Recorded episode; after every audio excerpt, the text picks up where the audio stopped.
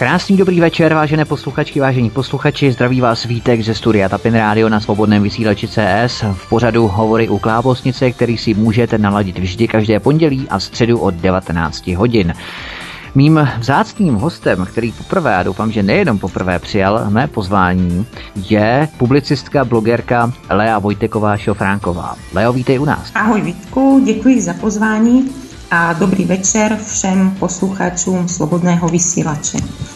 Já jenom doufám, Leo, že jsem nějak nepovrtal, nezvrtal tvé příjmení. Je to Lea Vojteková Šofránková, že? No, teď už jsem jenom Lea Vojteková, to Šofránková to mám jako ještě za mlada, no, takže... Jo, takhle. Teď už to není za mlada teda. Teď už to je, ne. já jsem gentleman, já vím. Tak já ti, Leo, moc děkuji, že jsi přijala naše pozvání. Přece jenom my jsme dolaďovali i nějaký koncept tohoto našeho rozhovoru a já mm-hmm. jsem rád, že jsme se shodli na tématech, což je úplně skvělé. Mm-hmm. A tvoje postřehy na internetu myslím, že zná dost lidí a určitě si tě rádi poslechnou. Úvodem si něco povíme o monster procesu, jako z 50. let s doktorem mm-hmm. Urválkem, kdy slovenská neohrožená bojovnice Adriana spálila Korán a na tom základě bylo proti ní vznesené obvinění slovenskou prokuratorou a následně byla vytažena uprostřed noci z postele slovenskou šariaskou inkviziční policií zásahovou jednotkou NAKA jako jo. nějaký největší terorista. Tak jaké jsou eh, tvoje postřehy, komentáře kolem této kauzy a také kolem rozhovoru s Adrianou u nás na svobodném vysílači? Jaký jsi z ní měla hmm. dojem? No takhle, já jsem si ten rozhovor poslechla, ano, a tady mám pár, pár právě postřehů k tomu. Co se týká celé té kauzy Adriany, tak podle mého názoru se jedná o politickou kauzu, monster proces, jak říkáš i ty, která má zastrašit a odradit případné odpůrce islámu. E, já se Adriany zastávám a dostávám hodně různých zpráv a reakcí. Někteří lidé se mnou souhlasí, někteří méně a ti, kteří se mnou nesouhlasí, tak tam se setkávám s tím, že říkají, že pálení a močení na knihy je nepřijatelné.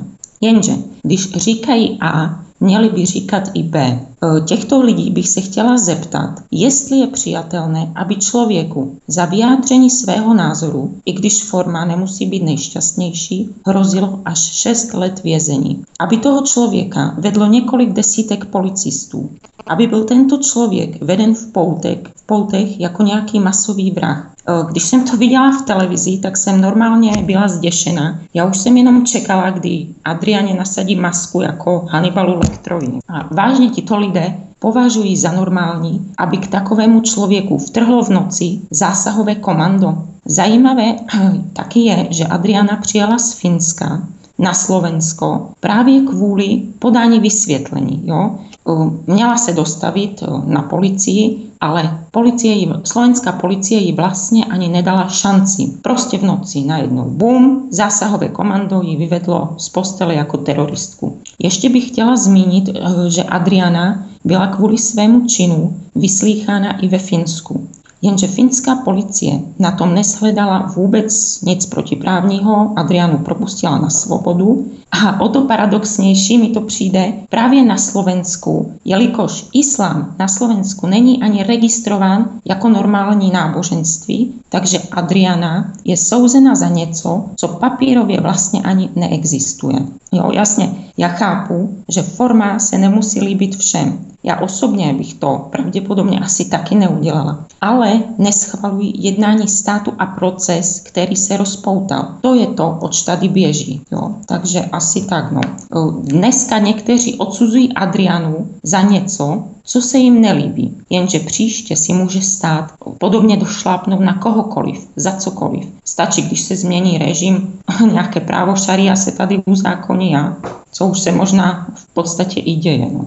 Jaká si určitá implementace práva šaria. Já bych se jenom zeptal, ono je totiž fajn, že uh, se ptám všech hostů, se kterými dělám rozhovory na případ Adriany, protože každý na to má lehce odlišný úhel pohledu. Všichni se hmm. shodujeme na tom, že to tak je nesprávně, že to tak nemá být. No, no, no. Což je vlastně určitý jmenovatel, leitmotiv, na kterém bychom se měli shodnout všichni, protože, jak si správně uvedla, může to potkat kdykoliv, kohokoliv z nás. Hmm. Ale uh, já bych se právě tě zeptal na Adrianu z té pozice, kdy ona skutečně tyhle případy řešila, podávala dokonce hmm. i trestní oznámení na pachatele těchto činů, které na ní byly spáchany muslimy právě ve Finsku a nic se nestalo. Policie jí absolutně žádným způsobem nepomohla. To znamená, že tohle může být interpretováno jako její zoufalý čin. Přesně tak, jako Adriana byla ve Finsku dokonce znásilněna imigranty, jo, a s muslimy měla různé potíže. Obracela se na tu policii, policie nedělala nic. Tak jako možná, kdyby se těm odpůrcům Adriany stalo něco podobného, možná by nejenom spálili a pomočili Korán, možná by udělali ještě něco horšího. No, takže... Mm, já si myslím. To je takové jako z jejich strany trošku pokrytecké mi přijde. Prostě oni, oni neví, co, co prožila ale budou ji takto, takto soudit a ještě jí, jí to přejí, aby, já nevím, odsoudila slovenská prokuratura na 6 let. Takže hmm. to je takové. Ještě, ještě bych chtěla k tomu možná něco říct, uh-huh. že možná se někomu jako příčí ten styl, jo, který Adriana, kterým vyjádřila svůj protest, jenže to nemůže být trestné. Když si zakoupím nějakou knihu, je mou soukromou záležitostí, co s tou knihou udělám. Mohu si ji dát do knihovničky, mohu ji vyhodit do popelnice, jinak teď se přiznám, jednou jsem knihu já jsem jinak čtenářka velká, miluji knihy, ale jednou jsem knihu vyhodila do popelnice, protože jsem si zakoupila hororovou knížku, které, které jsem se strašně bála. Nechtěla jsem ji mít doma a normálně jsem ji hodila do popelnice. Takže teď doufám, že nějaké zásahové komando si pro mě v noci tady nepřijede. No, no ale... to je ještě větší horor potom. no, to, to jo, to jo. A taky jako ty knížky, prostě kniha je, když si ji zakoupím, je to mé sou, soukromé vlastnictví, mohu ji taky i půjčit, darovat, prodat a klidně i spálit v kamnech někde. Takže, uh-huh. takže státu do toho vůbec, vůbec nic není. A je jedno, je jedno, jestli se jedná o knihu Spejbla a Hurvínka nebo o Korán, což je vlastně totálně násilná kniha. V Koráně je více, více těch protižidovských, nenávistných jako veršů, uh-huh. než dokonce v Mein Kampfu. Takže... Ano, ano. Mein Kampf se u nás může prodávat stejně jako Marxův kapitál. Mm. Já bych se eh, jenom pozastavil i nad tím, že mě docela dost fascinuje, že po zatčení Adriany se tady objevilo dost expertů na její životopis, takových těch uh, alibistů, mm, řekněme arbitrů, strážců etiky, morálky, etického kodexu, moralistických postojů. Co si myslíš o těchto lidech? Eh, neměli by sami se vymáchat nejdříve ústa ve výkalech, pokud bych to měl vyjádřit velmi kulantně elegantně a velmi diplomaticky, což eh, ani nejde v tomto případě, než se vůbec budou pouštět do nějakých podobných eh, pseudokomentářů. Hmm, no to, to by asi měli. Právě já jsem zažila na Facebooku jeden takový podobný, podobnou diskuzi. Tam byl nějaký mravokárce, jo, který začal Jasně. Adriana, nevím co, je psychicky nemocná, hento, tamto. A tak jsem se ho zeptala, a slyšel jsi s ní alespoň ten rozhovor, který jako vy jste, vy jste vysílali? No to jsem neslyšel, ale a bla, bla, bla. On, já nevím, čerpal z nějakého blesku, jo, jo, jo. Zpráv, jo. A tak, takový, tak říkám, tak si alespoň zjistí základní informace a potom, potom jako suď a odsuzuj. Prostě bez, bez celkový koncepce, bez toho, abychom znali i ten názor druhé strany, tak těžko, těžko ji takhle odsuzovat. Jo, ono, ono se to zdá, no, nemočím na knihy, no dobře, Jenže tam, jak říkám, když řeknu A, musím říct i B. Prostě co se jí stalo předtím a že ta reakce státu je naprosto neadekvátní. Takže hmm. tak... Stát vůbec neposkytuje vlastním občanům ochranu a vlastně bojuje proti těm vlastním hmm. občanům v rámci vlastně, určitého extremistického zákona nebo proti extremistického zákona 1.1.2017 2017 na Slovensku. Když si to zmínil, hmm. tak mi vlastně strašně vadí i ten dvojí metr, jo, když například někdo znesvětí křesťanské symboly, tak se nic neděje. To je v pohodě. Když muslimové znásilní malé děti, tak dostanou podmínku. Když spálí synagogu nebo vyhrožují nevěřícím, tak se opět nic neděje. Prý jenom vyjádřili svůj názor. A pak se někdo diví, když akce vyvolává reakci. Například Milan Kohout, jo, to je tady známý ano, performer, ano. ano, tak ten nalil své sperma do svěcené vody v kostele. Co se stalo? Nic. Muslimové... Ono to bylo vnímané jako, hmm. přesně nedefinuju ten výraz performance, nevím teď jaká, kreativní no, no, no. nebo nějak... umělecké nějaké... Ano, umělecká performance. nevím, nevím čeho, jako, no. ale to, to, je zajímavé. Tak dobře, tak Adriana taky vyjádřila umělecké, uměleckou jasně, jasně. No, když to takhle. Ne, ale právě to je ten dvojí metr. Například uh, muslimové v Itálii rozbili sochu Panny Marie. Co se stalo? Opět nic. Hmm. Nebo nějaké aktivistky, myslím, že to byly uh, z Femen, se vymočili v kostele ve Francii. Jo? Opět, hmm. opět nic. Jako žádný postih, žádná reakce, nic. Ale tu odpůrkyně islámu najednou zapálí Korán, a co se stane? Vypukne monster proces. Hmm. A zajímalo by mě, jestli by vypukl takový šílený proces, i kdyby zapalila ten Mein Kampf nebo Kapitál. Nebo... Ministr vnitra Kaliňák, slovenský ministr vnitra Robert Kaliňák, abychom tady objasnili posluchačům nějaké reály, pokud nejsou obeznámeni úplně přesně s tímto, tak eh, on podepsal minulý rok další grantové smlouvy na integraci a pomoc migrantům za celkem 2 miliony 821 799,55 eur. Aha. Podle Centrálního registru smluv obdržela grantovou smlouvu výzva SK 2016 ANIF SC 12 lomeno 1 Slovenská humanitní rada. Tato Slovenská humanitní rada působí na Slovensku od roku 1990 a združuje pod sebou více než 170 neziskovek různých. A účel mhm. tohoto grantu je zabezpečení odborné péče pro imigranty, zejména v záchytném táboře Humené, pobytovém táboře Opatovská Nová Ves a Rohouce. Migranté mají v tomto projektu kromě sociálního poradenství i volnočasové aktivity a mezi tyto volnočasové aktivity pro migranty byla zařazena i muzikoterapie pro migranty. A personální náklady pro tuto muzikoterapii pro migranty se vyšplhají na částku 314 056,73 eur. Dále například kulturní mediátor v pobytovém táboře Rohouce vyjde organizaci na skoro 42 000 eur. Další grant této organizace byl přiklepnut projektu s názvem Kompas 2 v hodnotě 345 400 eur. Ten se týká zase zabezpečení adekvátních a přiměřených podmínek pobytu migrantů. Zase, aby jim tam topili, měli tam Wi-Fi, uklízečky a třídla denně. Nevím, jaký jsou adekvátní podmínky, přiměřené podmínky umístěných v útvarech policejního zajištění pro cizince Medveďov a Sečovcích. Hmm. Myslíš si, že tlučením na bubínky a nebo chrastěním z chrastítky přiměje migranty k větší toleranci naší kultury a tradic? určitě, určitě. V rámci té muzikoterapie. Ne, ne, ne, jasně, jasně. To si myslím, to je jenom další tunel na peníze daňových poplatníků. Asi tak si prostě, co k tomu říct, to je, to už jsou výmysly, nesmysly. Jako buď, buď se chtějí imigranti jako přizpůsobit, nějak integrovat a tak dále. A žádná muzikoterapie jo, k, tomu, k tomu nepomůže. A nebo nebo prostě nechtějí, tak vidíme, co se děje v zahraničí a nepomohli tam ani, taky měli péči, nevím jakou, všechno možné, jo, se kolem nich dělo pomalu. Hmm. Do, dokonce dostávají někde i přímo byty, domy a tak dále a pomáhá to, nepomáhá, no. Takže tohle beru čistě, čistě takhle účelově, aby se opět nějaké neziskovky nabalily. No. Takovale, jasně. No, v souvislosti s tou muzikoterapií mám tady ještě další takovou zajímavou zprávičku. Mm. Švédský podnikatel chce ve Švédsku pro lepší integraci uprchlíků vybudovat velbloudí park mm. a pracovat tam prý mají samotní uprchlíci. Já tady nevím, jaké klima potřebují velbloudi, určitě dost horké. Ne, teda ve Švédsku, asi, asi jim tam nějakou poušť vybudují nebo něco takového.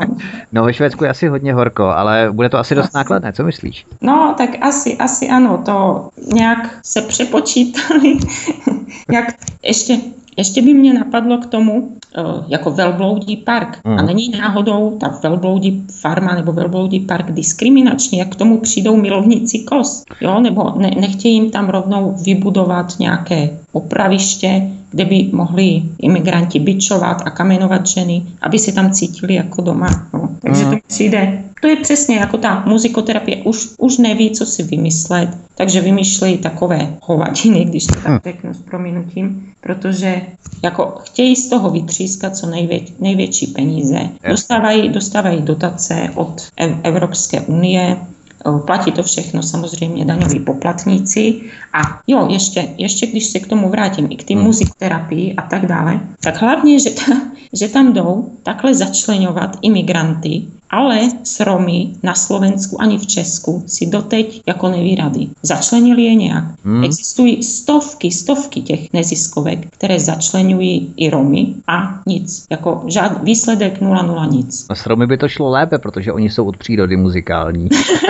no, ale a právě, a to, to si jako vem, že jako Romy, e, teda Romové, jako znají i náš jazyk, vlastně v podstatě i tu kulturu, i, i to náboženství mají docela podobné, takže jako měli by se lépe integrovat a no. ani na nich to nějak nefunguje. No. Tak, no, určitě, ještě, určitě je to naše chyba. Jo, určitě je to naše chyba, není to jejich chyba. Určitě to naše chyba, že my jsme jim nevytvořili dostatečné podmínky pro to. No, no, no. A jako vždycky, vždycky jsem si myslela, že jako když někdo přichází jako do nové krajiny, v podstatě i já jsem imigrant jo, ze Slovenska, takže když někdo jo, přichází... jsi legální dokonce. já jsem dokonce legální. Aha, no tak to je špatně, to nic nedostaneš. No, to, bohužel, no. A dokonce jsem se přizpůsobila a nepožaduji jako žádné speciální, nemám žádné speciální nároky ani, hmm. ani nic takového. No, tak, no proto si skončila na svobodné vysílači. Vidíš, jak si to dopracovala teda. Právě. Jinak bych mohla být někde v mainstreamu. Já si myslím. No, takže jako vždycky jsem si myslela, že když se má někdo integrovat, tak jako když někdo přichází, tak se integruje a přizpůsobí té dané krajině a jejím zvykům. A ne opačně, jak to dělají teď Švédové, že oni jim tam budou nějaký velbloudý park, jakože se vlastně oni přizpůsobí těm imigrantům. To už je prostě na hlavu. No. Já jenom bych doplnil, že se jedná o zprávu z Babišovek, konkrétně z iDnesu tuším, že jsme to, mm-hmm. že jsme to procesovali, tak eh, to není žádný hoax, je to skutečně ověřená agenturní zpráva s tím no, no, no. parkem. Ale nevím, možná ze Švédska jim výměnou za ty velbloudy mm. jsou na Saharu sněhuláky třeba. no, možná bude to takové vzájemné obohacení kulturní. Myslím, že všichni samou láskou roztají. Ano. Ale eh, jsem tedy zvědavý, jaká banka mu na to vůbec půjčí, když jim řekne, že tam budou pracovat uprchlíci, tak přičemž hmm. jaká je jejich pracovní morálka, disciplína, tak je to dost, eh, řekněme, nejistý úvěr pro tu bankovní komisi. No, právě, no, to je možná nějaká šariacká, já nevím, tam už. Jo, možná, možná z zahraničí, to je fakt. No, no, no, že už, už se za, eh, jako v podstatě teď zažívají docela boom i v Anglii, už ty šariacké banky, no, tak možná Aha. nějaká taková jim, jim půjčí, no. On tam ten šária business kvete nejenom tady v těch muslimských zónách, eh, no mm. zónách, ale kvete tam třeba i mimo, mimo tyto zóny. Mm. Nemáš nějaké informace ohledně Británie? Jak, jak to, to jsem četla zprávu, to byla normálně z mainstreamu, jo, tak, mm. taky jako ověřená, jo, víc, víc. No, už tady budeme skoro jak mainstream za chvíli. No, tak to, prostě vždycky to bylo v těch no-go zónách, jo, oni to tam prostě šar, podle práva šaria si žili, ale teď už jsem četla, že dokonce se normálně uvažuje právě ve Velké Británii o zavedení e, práva šaria zatím jenom jako v tom dědičném, dědickém konání, jako uh-huh. dědictví, e, aby, aby ty ženy nemohly dědit po manželovi, nebo jenom polovinu z dědí a tak dále. Jo, takhle. Jo, Takže to, to bude dědit vlastně komunita, jo? Respektive místní... Nevím, kdo to, nebo, nebo jako syn, prostě manželka bude vyškrtnuta, protože ona podle, podle práva šaria dědit správně nemá, jako jo, žena, jo? Nebo někde, někde jenom polovinu, někde nemůže vůbec nic, jo? A tohle chtějí zavést jako do toho práva, že proč by nemohli. Proč by nemohli. A přitom jako feministky se jdou jako pomalu zbláznit, jak, jak bojují údajně za práva žen. Jo, jo, jo. Tohle, tohle je totálně jako... To jim nevadí. To jim nevadí, to je popření úplně, ale to je v pohodě. Asi. Tak o něm nevadí nic, o něm nevadí ani šátky v Iránu. Teď no, no, no, teď, teď jako ty, ty švédky, ne, tam, tam byly teď. No, no, jedenáct jich bylo, měli šátek všichni. No, a hned si dali šátek, ano. Tak tady, tady protestují proti Lepenové, to se svlékají do naha. Ano. Ano, to, to je v pohodě, tam si dají šátek, to je najednou taky zrazu v pohodě. A pak, pak říkají o Trumpovi, že Trump dehonestuje postavení žen. Mhm, no, tak nevím. Já myslím, že Trump je určitě nenabádal, aby si ten šátek při jeho audienci vzali. No, ani, ani je nenabádal, aby se solíkli nebo něco takového. No, no, možná v Trumpově případě by udělal výjimku.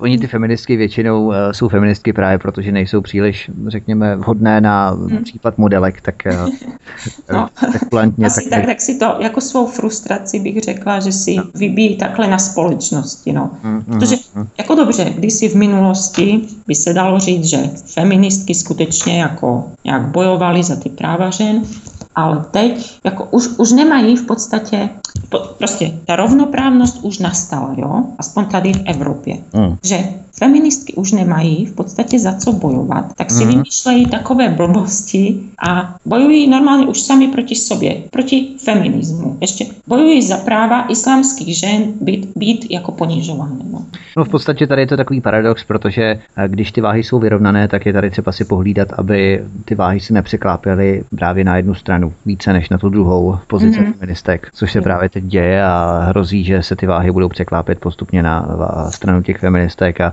to je právě to nebezpečí, potom bude diskriminovaná zase ta mužská menšina. Mm, no, to taky, to taky. A právě ještě feministky si stěžují, jak jako muži ztrácejí svou, svou mužnost, že nejsou jako muži no, a tak dále. No tak a jako, kde by měli být, když oni sami je vlastně ponižují, nebo... Tak. Duševně kastrují, já tomu říkám. No, no, no. Prostě v podstatě jim ani nedávají možnost projevit se mužně, nebo... Mm. No, a proto, proto taky vidíme teď jako mnoho žen, které jako přicházejí ti nabušení borci, imigranti jo, z Afriky, tak Jasně. mnoho žen jim podléhá pod vidinou nějakého, nevím, nějakého snu, mm. pak, pak skončí zále s modřinami a tak dále. Takže... Mm-hmm.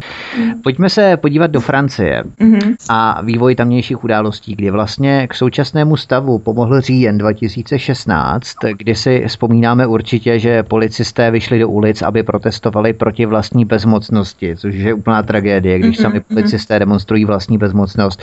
Šlo tam v podstatě o to, že 14. října 2016 si policejní odbory velmi naštvaně stěžovaly na zranění dvou svých důstojníků v notoricky známé no zóně na jihu Paříže, mm-hmm. když eh, jim muslimové hodili do policejního auta molotovův koktejl mm-hmm. a v tom zapáleném autě se pak dva důstojníci pomalu smažili k smrti, protože je dáv 20 až 30 muslimů držel v autě jako pasti a nedovolil jim utéct z toho hořícího vozu. Mm-hmm. Vysvobodili je až dva další policisté, všichni čtyři utrpěli zranění, jeden důstojník byl převezen do nemocnice ve stavu na pokraji smrti.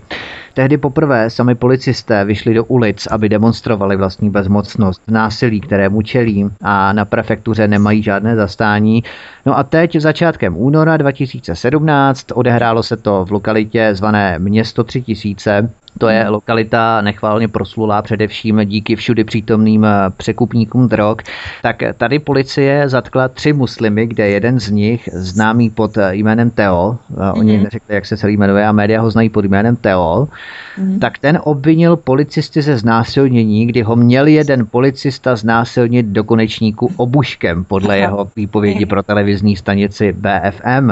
Mm-hmm. To je také nesmysl, protože mladík se při zatýkání choval velmi agresivně, policistu praštil do obličeje a proto byl ten zásah obuškem vedený proti jeho nohám, aby nemohl kopat a zdravotní prohlídka potvrdila mm. policejní verzi. Takže všechny tyhle incidenty vyústily v pouliční války, peklo, mm. molotovové koktejly, policie mm. filmovaná, jak jsou její příslušníci naháněni auty, mlácení mm. železnými tyčemi a dokonce těžkými kovovými balóny z francouzské oblíbené hry Petang. Jen na Valentína třeba bylo hlášeno 47 zapálených aut, o dva dny dříve to bylo 32, pardon, 34 zapálených aut.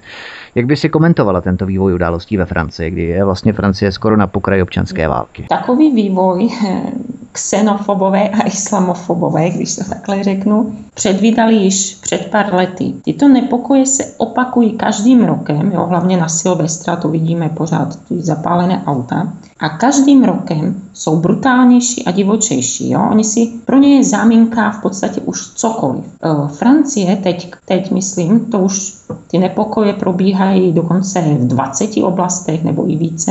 Uh-huh. Francie teď musela nasadit, e, myslím, že polovinu armády. Polovinu. Co bude jako za, za pár let? E, jenže naši sluničkáři nebo multikulturalisté, jo, každý je nazývá jinak, uh-huh. žijí v jakési bublině své utopie a odmítají vidět realitu a jako by neměli, neměli schopnost předvídat, schopnost analyzovat. Když se podíváme na vývoj islámu v různých zemích, tak vidíme naprosto, naprosto stejný model chování. Jo, pokud je v populaci muslimů, tak do 2%, v podstatě až na nějaké výjimky, s nimi celkově nejsou nějaké problémy větší. E, když se procento muslimů v populaci dostane tak mezi 2 až 5, e, začínají konvertovat ostatní z jiných menšin, často z vězení a pouličních gengů. E, od 5% výše se zas snaží nadměrně ovlivňovat zbytek populace, snaží se zavádět a tlačit na supermarkety, aby prodávali halal jídlo, což je vlastně jediné čisté jídlo, které, um, které muslimové považují za to za to správné. Hmm. No a když muslimové překročí hranici 10% populace, což je právě případ Francie, tak začnou používat demonstrace a rabování eh, jako způsob vymáhání svých požadavků. Jo, ve Francii běžně vidíme hořící auta, násilí, eh, ničení majetku. Eh, dokonce existují stanice metra, kde je pro bělocha lepší nevystupovat vůbec. Jak už jsem zmínila, v celé, v celé francouzské populaci je něco přes 10 muslimů, ale ve věznicích tvoří až 70% osazenstva. Uh, ve Francii taky existují stovky no-go zones, co jsou vlastně taková islámská geta, do kterých jo, tam, tam žijou podle práva šaria a tam se bojí vstoupit dokonce i policie. A jinak nejnebezpečnějším městem Francie je Marseille. A zkus, zkus si typnout, proč? Proč právě Marseille? Mm. Protože tam žije nejpočetnější muslimská komunita. Jo, takže rabování, šářství, násilnosti a to všechno se děje jenom při pouhých 10% muslimů. Jo, po do, dosažení 20% dochází k větším a větším násilnostem, to už se formují i milice džihadistů, to se děje například v Etiopii. Když je muslimů kolem 40%, tam už dochází k rozsáhlým masakrům a tak dále. Prostě pořád se to stupňuje, stupňuje a nevím, teprve ve 100%, mm, ve 100% muslimské populaci dojde k takzvanému islámskému míru. Jo? To je Afghánistán, například Saudská Arábie, Jemen. Jenže k opravdovému míru tam nikdy nedojde, protože radikální muslimové vraždí ty méně radikální kteří podle nich nejsou správně věřící. Takže jestliže naši multikulturalisté a tzv. pachatele dobra touží po takovém vývoji, jen ať pokračují v započatém procesu a podpoře nelegální imigrace. E, mně to připomíná mi to nástup komunismu, protože mnoho snílků vidělo, že komunismus nefunguje, ale říkali, no ale co, že to nefunguje tam a tam u nás to už prostě musí být soudruzi, jo. Uh-huh. Takhle, takhle to vidím, no, ten No ona ta Francie je poměrně komická, když si uvědomíš uh, při percepci různých zpráv, zaznamenávání informací. Uh, třeba uh-huh. Francie, teď jsem zaznamenal zprávu před několika měsíci, Francie chce bránit uh, určité radikalizaci právě těchto skupin muslimských mladých muslimů konkrétně, které do svých řad láká islámských stát a tak se rozhodli francouzi, mm-hmm. že na středozápadě Francie eh, v roce 2006, na tuším v září, že to bylo minulého roku, otevřou první deradikalizační centrum pro mladistvé. Jedná se o zámeckou budovu a desetiměsíční asi odvykací kůra od radikalismu bude dobrovolná navíc. Což oni se budou moc dobrovolně deradikalizovat, pokud budou chtít dokonce. A jde konkrétně o bývalý zámek zámek Ponturny v bezmála třitisícovém městečku Beaumont Everon, které leží skoro 300 km západně od Paříže. To je docela mm. zajímavé, nemyslíš? Mm, celý ten systém svobodné, jak si to říkal, de, re, no prostě deradikalizace hmm. jo, je postaven na hlavu. Jako co, co udělají s těmi, kteří se prostě nebudou, nebudou chtít jako od, odradikalizovat. Eh, podobné, podobný případ jsem zaznamenala eh, v Dánsku. Aha. Tam dokonce, tam přišli s návrhem, eh, že jako ti, kteří se vrátí z islámského státu, jako ti bojovníci, tak aby, aby se necítili opět frustrováni, aby jim nebylo špatně, tak vláda jim zabezpečí ubytování, sociální programy, normálně sociální dávky, oni nebudou muset nic, budou chodit, já nevím, na nějaké, na nějaké sociální setkání a tak, no, sociální Jasně. programy a tak. A vlastně, vlastně to mají ještě jako odměnu. Jo, takže to, to mi přijde úplně, úplně na hlavu. Místo toho, aby je potrestali, prostě dostali trest? Ne. Oni ještě dostanou jakoby schválení toho, co udělali. E, teď to bylo v Česku, myslím, ten první, první člověk, který se hlásil k islámskému státu, který chtěl odjet. Uh-huh. No, tak ten, e, když to porovnáme například i s Adrianou, jo, Adriana tý hrozí 6 let, uh-huh. a ten, který chtěl jet do islámského, jak bojovat za islámský stát, tak jako nic, dostal tři roky podmínky, a psychiatrickou léčbu. Neuvěřitelný. No, takže tak to je prostě, oni místo, místo tvrdých trestů a například vyhoštění, nemyslím toho Čecha, ale takových, kteří se tam jako nenarodili, deportace, tak ne, oni je ještě odmění. Ona dokonce ta islamizace přináší i řadu komických momentů. Například eh, server i dnes přinesl rozhovor s imámem pařížské mešity. Ale pozor, mešity, kde se schází homosexuálové, kde se káže v liberálním duchu a kde se ukazuje, že islám je to nejlepší, co člověka mohlo potkat. Mm-hmm. To imám Ludovik Mohamed Zahid, který je podle svých slov liberál, homosexuál, feminista, jezdí po světě, oddává homosexuální páry a snaží se ukázat, že Korán je liberální, Mohamed byl liberální, islám je liberální a chyba je v totalitních islámských režimech pouze. Um, v Koránu nic o tom, že se u Mohameda scházeli homosexuálové, nenajdete. Také tam ale najdete zmínku o tom, že Aláh zničil kmen Luta, protože praktikovali homosexuální styky, nebo jsou známé výroky Mohameda, že homosexuálové se musí trestat smrtí, mm. konkrétně ve sbírkách od Abu Dabuda nebo mm. Abba Jihakiho, který mm. vycházel z pramenů od uh, Ibn Sáda. Čili eh, těch věcí tam je daleko více a více, ale je to docela takové komické, jako oni se snaží ten islám spojovat právě tu jednu politickou korektnost té homosexuality, spojovat mm-hmm. islám, že to vlastně toleruje, nějakým způsobem to na to naroubovat. Jo? Přichází, přináší to docela hodně takových komických momentů.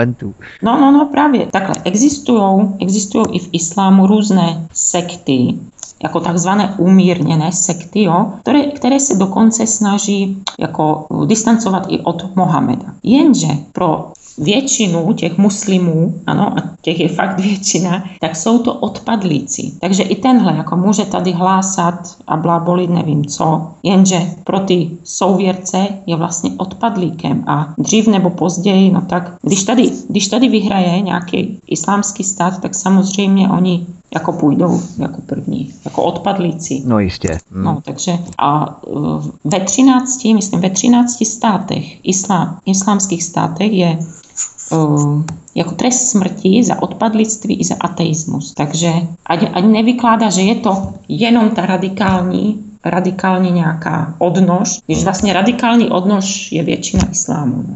no potom, když se v podstatě dozví, že francouzská ministrině pro bytovou politiku Emanuela Kozeová zoufale vyzývá občany Francie, aby pomohli s ubytováváním migrantů, protože už jsou hmm. kapacity asilových center vyčerpány, tak potom člověk opravdu neví, co si o tom má myslet v kontextu toho dění, které se právě. No, no, k, tomu, k tomu taky mám jednu vtipnou věc. Uh-huh. Uh, ta no, spisovatelka J.K. Rowlingová, tak ta se jako ta prohlásila, že máme přijímat imigranty, pomáhat jim, jako taky je ubytovávat a tak dále. No a teď vznikla taková petice, i taková akce na Twitteru, že paní J.K., eh, to je taková výzva pro paní Rowlingovou, eh, že ji ubytujou jako u ní doma, ona má velké sídlo, u ní doma 18 imigrantů, ale neprověřených, jo, vůbec. Mm-hmm, ano. Z- zatím, zatím se k tomu nevyjádřila, no. zatím mlčí, no. On nikdo, on dokonce Karel Schwarzenberg se nechal slyšet, že mu mešity nevadí, ať rostou, on dokonce řekl, ať mm. rostou a že ve všech pračicích mohou být mešity a jemu to nevadí vadí, jo, přesně v ty prčice tam jmenoval, to mě utkvělo v paměti, jo, takže, ale on taky si na svoje rozsáhlé nemovitosti nikoho nevzal. Zatím. No, no, no, tyto elity, nebo jak, to, jak je nazvat, mm. rádi by poučovali, jako my máme, my máme za to jakoby pikat, ano, vy se, vy se chovejte dobře, vy na to doplácejte a tak dále, ale my nic, my budeme jenom poučovat a budeme se chovat jako humanisté. Dokonce ten francouzský prezident François Hollande v knize mm. rozhovorů s názvem Co by prezident neměl říkat, ano. přiznal, že jeho země má problém s islámem a že je v ní příliš mnoho nežádoucích imigrantů. Zmínil to v úterý 11. října 2016 list The Daily Telegraph.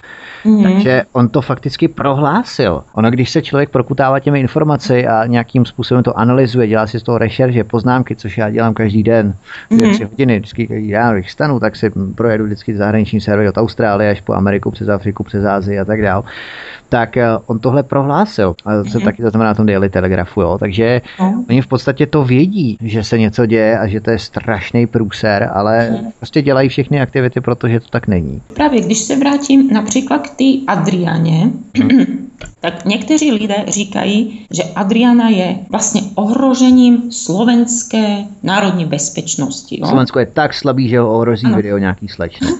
A, ale, ale dobře, jakože ne, protože oni se bojí, že jako to vyvolá nějaký útok, útok islamistů, ale jako ten pojem nemám ráda. Míromilovný, jak to může vyvolat, když jsou míromilovný? No, no právě, ale proč, když islám je při náboženství míru? Takže no. tito lidé svým, svým strachem vlastně ano. potvrzují slova všech odpůrců islámu. Jo? No. Oni to sami potvrzují. No. Oni na to skočili, ona v podstatě hodila udíčku a oni na to pěkně skočili spolu, je to s vlastcemi navijákem. No, no, no, právě. Ještě, ještě se vlastně usvědčili ze svého uh-huh. jako pokrytectví, no, bych řekla.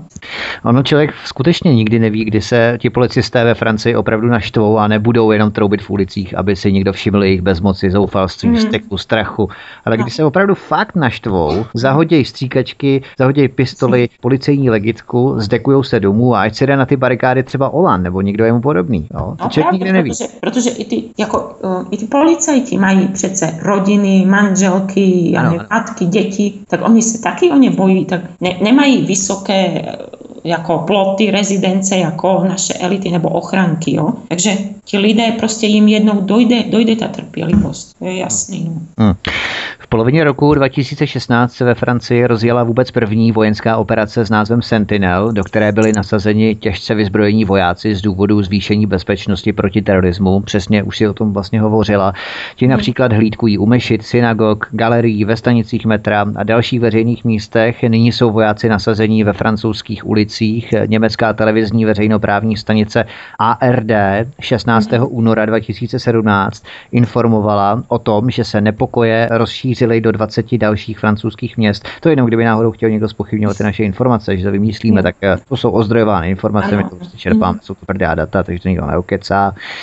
A pařížské úřady už před několika dny vyzvali obyvatele pařížských předměstí, aby zůstávali ve svých bytech a nezdržovali se venku. Dovedeš si vůbec představit, že by se něco takového stalo třeba v pražských ulicích nebo v pražských periferních čtvrtích, že by město Pražany vyzvalo, aby nechodili ven? To je úplně neuvěřitelná představa, jo? když si to pořád budeme porovnávat s naším stavem. Představit si to dovedu, protože naši multikulturalisté jsou, hmm. jsou mimo. Jako ti by to dokázali vyhlasit. Vždy. Tento rok už ani nebylo to oficiální rozsvěcování vánočního stromečku na staroměstském náměstí. Jo? A vlastně tím opět potvrdili, potvrdili, že toho islámu se bojí. Ale k, to, k tomu bych ještě vlastně řekla, že ano, raději, raději nevycházejme z domu. Raději zrušíme koncerty. Raději zrušíme fotbalové zá, eh, zápasy. Eh, zastavíme metro. Zastavíme tramvaje. Nepovolíme rozsvěcování vánočního stromku. Raději se budeme vyhýbat nákupním střediskům. Zakážeme jako vstup hmm. na letiště, na nádraží ale jinak je všechno krásné. Ano. Multikulturalismus funguje a kdo má něco proti tomu, tak je nácek, fašista, rasista. No. Takže to je, to je prostě, je, je to na hlavu jednoducho šílené. Jako, a kdy, prostě jde mi o to, že ten, proti tomu multikulturalismu se nesmíme ozvat. Kdyby to bylo jako jenom, jenom pozitivní, tak proč, proč je tady tolik negativních dopadů? Proč se děje to, co se děje ve Francii, ve Švédsku? Proč máme zákaz, nebo ve Francii mají zákaz vycházet z domova proč se ruší i ty fotbalové zápasy jako v Německu a tak dále. Kdyby to bylo jenom, jenom pozitivně, jak to vychvalují ty sluníčkáři. Jo. Teď, aby se člověk bál čekat na autobus nebo na tramvaj, aby ho nikdo nesejmul. No právě, to, to, je, no. to je strašný už. No. No, no, no, no. Proto právě já jsem třeba hovořil s Nikolou Zbořilovou, která naštívila Izrael. Mm-hmm. A mhm. ona popisovala, že oni tam vlastně na těch autobusových zastávkách mají betonové sloupy, mm-hmm. které brání k tomu, aby různá auta najížděla do lidí právě na těchto mm, nástupních peronech, protože mm-hmm. se tam tyhle případy stávaly nesčetněkrát. Mm-hmm. O tom mhm. ani neinformují u nás na západních médiích, protože by to vyvolávalo jenom samozřejmě negativní reakce nácků a, ano, ano. a nevím koho všeho xenofobů, jo. ale ono se to tam v podstatě dělo tolikrát, že ti Izraelci byli nuceni učinit opatření v podobě výstavby těchto sloupů právě proto, aby tam k těmto událostem nedocházelo. A to přesně demonstruje a vykresluje takový způsob, že nejdřív si pustíme mhm. nepřátel do Evropy, až teprve ex post budeme řešit bezpečnostní politiku. Mm. Přece důležitější je prevence, ano? A ne jako, mm. jak Merkelova, pozveme je tady všechny, naslibujeme jim hory doly a pak pak to delegujeme na ostatní státy. Vy to řešte, vy to řešte a musíte být solidární. Jasně. Co to je, co to je za blbost? A e, četla jsem taky vyjádření nějaké německé právničky, která pracuje v asilovém centru. No a když jako přicházeli ty, ti imigranti, tak okamžitě jako přišli k ní do kanceláře a řekli, kde máme ten dům, kde je to auto. Prostě, já nevím, jako nechci, nechci jako zavádět do nějakých konspiračních teorií, ale jim to tam někdo musí bulíkovat do hlavy. Mm. Prostě v těch stav, protože oni fakt přichází s tím, že tady dostanou dům, auto, peníze. Ve Švédsku dokonce, jako švédští, ti muži, imigranti, kteří, kteří tam přicházeli, tak si mysleli, že dostanou blondýnky, švédky. Jo, jo. Jako, jako nějaký harem asi. Nebo, jasně, jasně. Nevím, no prostě tam, tam musí někde v Africe a na Blízkém východě probíhat reklama, nebo to jde přes mm. Facebook, já nevím. Nábor. No, no, no. Mm-hmm. Četla jsem, četla jsem vyjádření jednoho generála českého. To byl uh, generál, který byl normálně jako v akcích někde v Afghánistánu. Mm-hmm. Už v roce 90, teda, no to je, to je důležité, v roce 1993 někde v Afghánistánu a tam mm. seděli, jo, a bavil se s, s tím muftým, s muslimy různými a tak. A oni říkali, už tehdy věděli, v roce 93, jo, kde je nejlepší přestup z České republiky do Německa. Jo, jo. Že je to v Dubí. Takže já nevím, jako je to, mně to přijde jako plánovaná akce někoho, komu jde o rozklad Evropy. No. Mm-hmm. Prostě po, podobně jako v Kosovu, tam, tam se to taky rozpadlo a pak přijalo jisté vojsko pomáhat a humanitárně bombardovat. No. A jisté vojsko tam má největší základnu v Evropě, Camp Tak, no, největší základnu, někdo si tam zprivatizoval jisté telefonní společnosti. Pojďme se ještě vrátit ke Švédsku. My jsme ho tady zmiňovali, tak uh, ocitujeme si ještě jednu další docela zajímavou informaci, která se odehrála před několika týdny. V mhm. podstatě tatáž situace jako ve Francii se v bledě modrém odehrává ve Švédsku. Ve Švédsku přituhuje od círka 16. února 2017 imigrantské gegy ničí Stockholm, Göteborg a Malmö města. Mhm. Více jak 70 incidentů, včetně spálení policejní stanice, školy, házení šutrů po policistech, pálení aut a budov. Všichni máme v živé paměti policistu jménem Peter Springal, který zveřejnil utajovanou zprávu. Tento policista spadal pod jednotku pro boj se závažným zločinem z města Orebro a on zveřejnil, co řešil. Jo. Od pondělí do pátku, jeden týden, pouze pět dnů. Mhm. Znásilnění, znásilnění, znásilnění s těžkým ublížením, loupeže, napadení, znásilnění, napadení a znásilnění vydírání, napadení, násilí páchané na policii, hrozby policii, drogová kriminalita, pokus o vraždu, další znásilnění, znovu znásilnění. Mhm. Ty podezřelí pocházejí z Irák, Irák, Turecko, Sýrie, Afghánistán, Somálsko, Somálsko, zase Sýrie, Somálsko, neznámá země, neznámá země, Švédsko. Jmenují se Ali Mohamed Mahmud, Mohamed, Mohamed Ali a různé variace na Mohamedovo jméno. A ty migranty prý policie, jsem se dozvěděl, nesmí ani fotografovat na veřejnosti ve Švédsku, což je další paradoxní informace. Mm-hmm. Ten policista byl samozřejmě za svůj komentář ohlášen pro nenávistné příspěvky a čeli vnitřnímu prošetřování mm-hmm. na základě prošetření z rasové nesnášenlivosti. Mm-hmm. Chudák, rupli mu nervy, ale když bychom se podívali na psychologii policistů, já už jsem tady částečně řešil s Martinem Zapletalem, Aha. musí policisté, ano, dodržovat určitou disciplínu, pracovní kázeň, poslušnost a na druhou stranu správnému policistovi by mělo záležet na předcházení, prevenci podobnému nepořádku v jeho rajonu, v jeho okrsku, aby měl přece klid a nemusel tohle hmm. řešit. A tyto dva protipóly se u policistů těžce střetávají dnes. Zatím vyhrává ta zaslepená poslušnost vůči vedení, nebo jak by si to komentovala právě z pozice toho Petra Springala, nebo Springala, jak se čte? V podstatě Peter vlastně řekl pravdu a Hned je policii vyšetřován kvůli údajné rasové nenávisti. Jo, od kdy je pravda rasová nenávist? Když řeknu, že nějaký čin který spáchal například Somálec, spáchal Somálec, tak tím přece jenom sdělují fakta.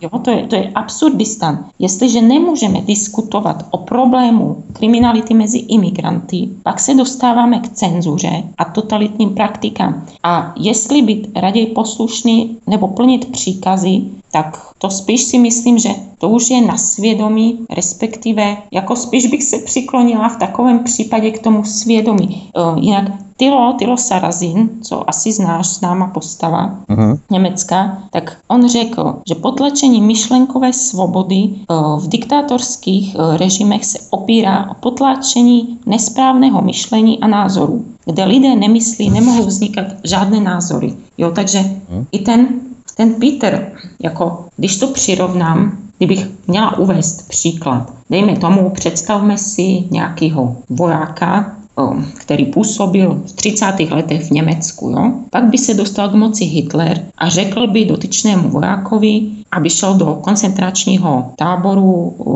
tábora spalovat Židy. Měl by voják poslechnout Hitlera nebo své svědomí. Jo? Takže o tom to je.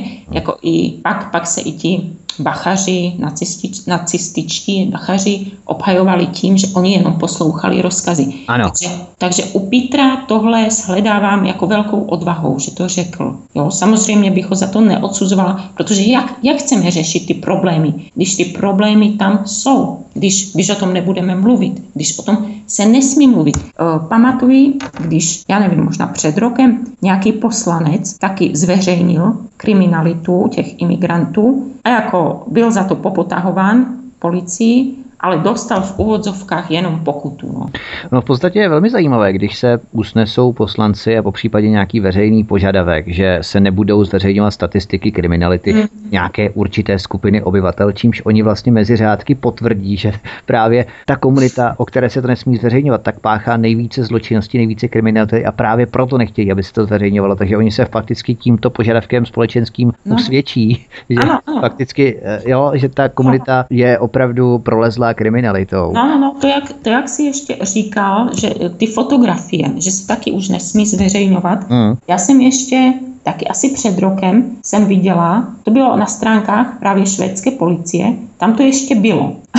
a tam bylo sami jako nej, nejvyšší kriminalita a jako nejhorší zločinci a potom se pátra a tam byl nějaký Mohamed, Ali, Mohamed a další, jo, Ahmed. Jo, jo, jo. Prostě sami také, to ještě bylo, jo, teď už, teď už nevím, no, možná to zrušili, ale jinak u koryta dneska ve Švédsku vládne kdo? Sociální demokraté a zelení. Vlastně díky jejich sociálnímu inženýrství se ze Švédska stává země plná ilegálních přistěhovalců, kriminality, strachu, pokrytectví a politické korektnosti. Jo? Tak v podstatě mm, i, jo, a jak, jak jsi říkal, že oni se vlastně usvědčili z toho, jako i to Švédsko, tak oni se usvědčili ještě jinou věcí, protože Eh, Švédsko zavedlo eh, kurzy pro imigranty, jak se mají chovat k ženám. Jo, takže asi zřejmě tam nějaký velký problém existuje a mlčením se to nevyřeší. No, tak to by byly informace o Švédsku. Takže zahrajeme si, posloucháte svobodný vysílač Studio Tapin Radio od mikrofonu a zdraví Vítek z pořadu Hovory u Klábosnice. Dnešním hostem je publicistka a blogerka Lea Vojteková Šafránková. Dáme si písničku, po písničce budeme pokračovat. Hezký večer. Tak, máte nás tu opět zpátky, písnička nám dohrává, to znamená, my se opět hlásíme druhé polovině hovoru u Klábosnice, posloucháte svobodný vysílač, zdraví a svítek ze studia Tapin Radio, máte nás tu opět zpátky, pokud samozřejmě nechcete, máte vždy v lobu rádio vypnout, což doufám, že neučiníte a budete nás dále poslouchat, protože máme docela zajímavé informace, které stojí určitě za komentář a vítáme u nás eh, publicistku, známou publicistku a blogerku Leu Vojtekovou Šofránkovou. Leo, ještě jednou vítej u nás. No, děkuji a zdravím. My jsme tu před písničkou probírali Švédsko, předtím ještě Francii. Tyto země mají určité společné znaky, stejně jako Německo, Británie a další. To bychom vlastně jako přes kopírák mohli komentovat vývoj událostí, vývoj událostí v každé zemi, takzvaných západních demokracií, které mají stejný vývoj, stejný scénář, akorát, že jsou tam jiné figurky, jiní aktéři, jiní politici, ale akorát ty okolnosti jsou lehce odlišné, ale ve skrze je to úplně to tež. Ale když se nad tím zamyslíme, v podstatě pokud to stáhneme na celou společnost, tak tu máme jakési dvě skupiny. Na jedné straně masy pracujících lidí, mm-hmm. na druhé straně ti, kteří sami sebe považují nebo cítí se být novodobou aristokracií. Mm. A takové soužití může fungovat, dokud tato takzvaná novodobá aristokracie zajišťuje stabilitu, řád a obranu proti vnějšímu nepříteli. Ale když se těchto úkolů zřekne, začne ničit vlastní zemi a dokonce se spojí s nepřítelem, aby zemi zaplavila cizími válečníky a když jim poskytne volnou ruku k drancování, dá se vůbec demokraticky působit. Jaké ty s tím máš zkušenosti při tvé bohaté blogerské činnosti v rámci určitých diskuzních platform? Podle mě se takový stav, jaký vládne teď, ne, nedá. Nedá, nelze to dlouhodobě udržet. Buď nás převalcuje islám, nebo dojde k občanské válce. Myslím, že k občanské válce dojde tak jako tak, jestliže se elity nevzpamatují, nebo ta aristokracie. Lidem jednoho dne prostě dojde trpělivost a buď budou vo- volit kohokoliv, teď nemyslím Lepénovou, protože Lepénová není extremistka, i když mainstream ji takto rád vykresluje, takže buď budou občané volit kohokoliv, nebo vezmou spravedlnost do svých rukou. To se, to se děje už dokonce i ve Švédsku a v jiných, v jiných městech, státech. Novodobá aristokracie vidí v imigrantech zřejmě zdroj příjmu. E, nemyslím tím, že by tito imigranti nějak extra pracovali, jo? to už zpracoval Tilo Sarazin ve své knize, ale jak berou je jako zdroj příjmu, protože imigranti musí někde spát, něco jíst, oblékat se a tak dále. Prostě to berou jako biznis který zaplatí daňový poplatník a myslí si, že oni nad tím udrží kontrolu, protože bydlí ve svých rezidencích s vysokým plotem a ochrankou. Prostě si myslí, že jim se nic nestane. Své děti posílají do drahých soukromých škol a je, je vůbec nezajímá, že děti jako v uvodzovkách obyčejných lidí jsou ve školách šikanováni a právě imigranty. To jako ze zahraničí vidíme i z toho Švédska, tam jsou, tam vidím spoustu příkladů, nebo, nebo Anglie, to je to samé, prostě šikanování, Německo, to, to, je to samé, že dochází k, na, k znásilňování žen. To tu aristokracii taky vůbec nezajímá. Vraždám, rabování. Jich se to netýká, oni mají svou ochranku. Jeden švédský bloger pro, pro toto jako našel velice trefné označení a nazval tyto lidi jako sluníčkoví pasáci. E, takoví lidé, lidé prosazují nekontrolovatelnou masovou imigraci z kultur, e, kde mají mnohem horší pohled na ženská práva e, a rovnost. V podstatě hrají kostky, když to takhle řeknu, s vaginami místních žen. Uh-huh. A, jsou, a jsou ženy jako prostitutky pro svůj vlastní prospěch. Ženy na sebe berou veškerá rizika, jo, protože a zatímco oni, ta aristokracie si užívá odměny a obdiv, jakože uh-huh. jaký jsou oni humanisté, jo. Jasně. Jenže toto není humanismus. To je jenom póza, aby se cítili jako lepší lidé. Plus z toho mají finanční prospěch, moc a Přitom v podstatě je to odpornost nejhrubšího zrna. Jestliže elity rezignovaly na obranu a bezpečí obyčejných obyvatel, dříve nebo později si myslím, že je to dožené. To je neudržitelné. Ono v podstatě, i když si uvědomíme, jaké to má odrazy ve společenském diskurzu při vedení diskuzí třeba ve veřejnoprávních nebo i soukromých médií, tak hmm. ta férová diskuze vůbec žádná neexistuje. Ta diskuze většinou z pravidla probíhá tak, že polovina diskutujících řve náckové, fuj. No, a blahoskloně se tvářící moderátor se stará o kultivaci debaty, vyváženost diskuze, označováním oponentů za ruské agenty, xenofobie a tak dále. Oni vůbec ti novináři hrozně rádi hmm. hovoří o tom, že by novináři neměli lhát, měli se držet hmm. faktů a tak dále, hmm. což tedy v podání zejména reportérů České televize publicistů eh, beru jako náhlé prozření a prudký záchvat sebereflexe. Ale eh, co si myslíš o těch veřejných diskuzích? Nejenom tedy na serverech nebo na tvých blozích, po případě hmm. na Facebooku, eh, pokud publikuješ nějaký status na zeď, tak jaké s tím máš ty zkušenosti? No, tak nevím, začnu. Tohle je jako zajímavé téma.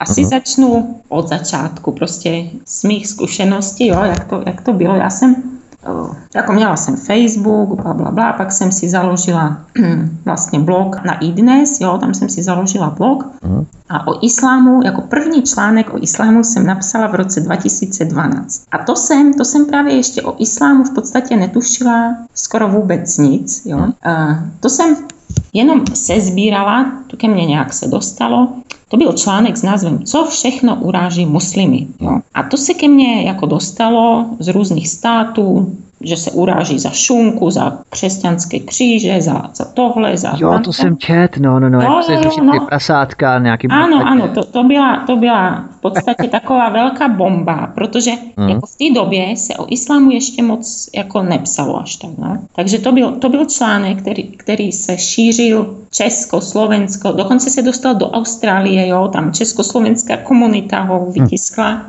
ale jako to neříkám kvůli tomu, jenže právě já jsem zažila jako i to pozitivní, jo, jak, jak se to šířilo, jakou to mělo odezvu, jenže mělo to právě i tu odezvu, že mi to přineslo výhrušky, výhrušky smrti. Jako kvůli tomuto článku. Takže já jsem ten článek potom, jako fakt, já jsem nečekala, vůbec jsem nečekala nějaké výhrušky smrti. No, jasně, takže jsem, to byl pro mě šok, takže jsem článek poprosila redakci, aby ten článek smazala, jenže to, to už nešlo. Ten článek byl tak rozšířen, to prostě on jasně. pořád někde koluje. Jasně. No, ale nakonec to dopadlo tak, že já jsem, prostě já jsem se vystresovala z toho natolik, jo. Fakt jsem to vůbec nečekala, že jsem skončila v nemocnici s, s vnitřním krvácením.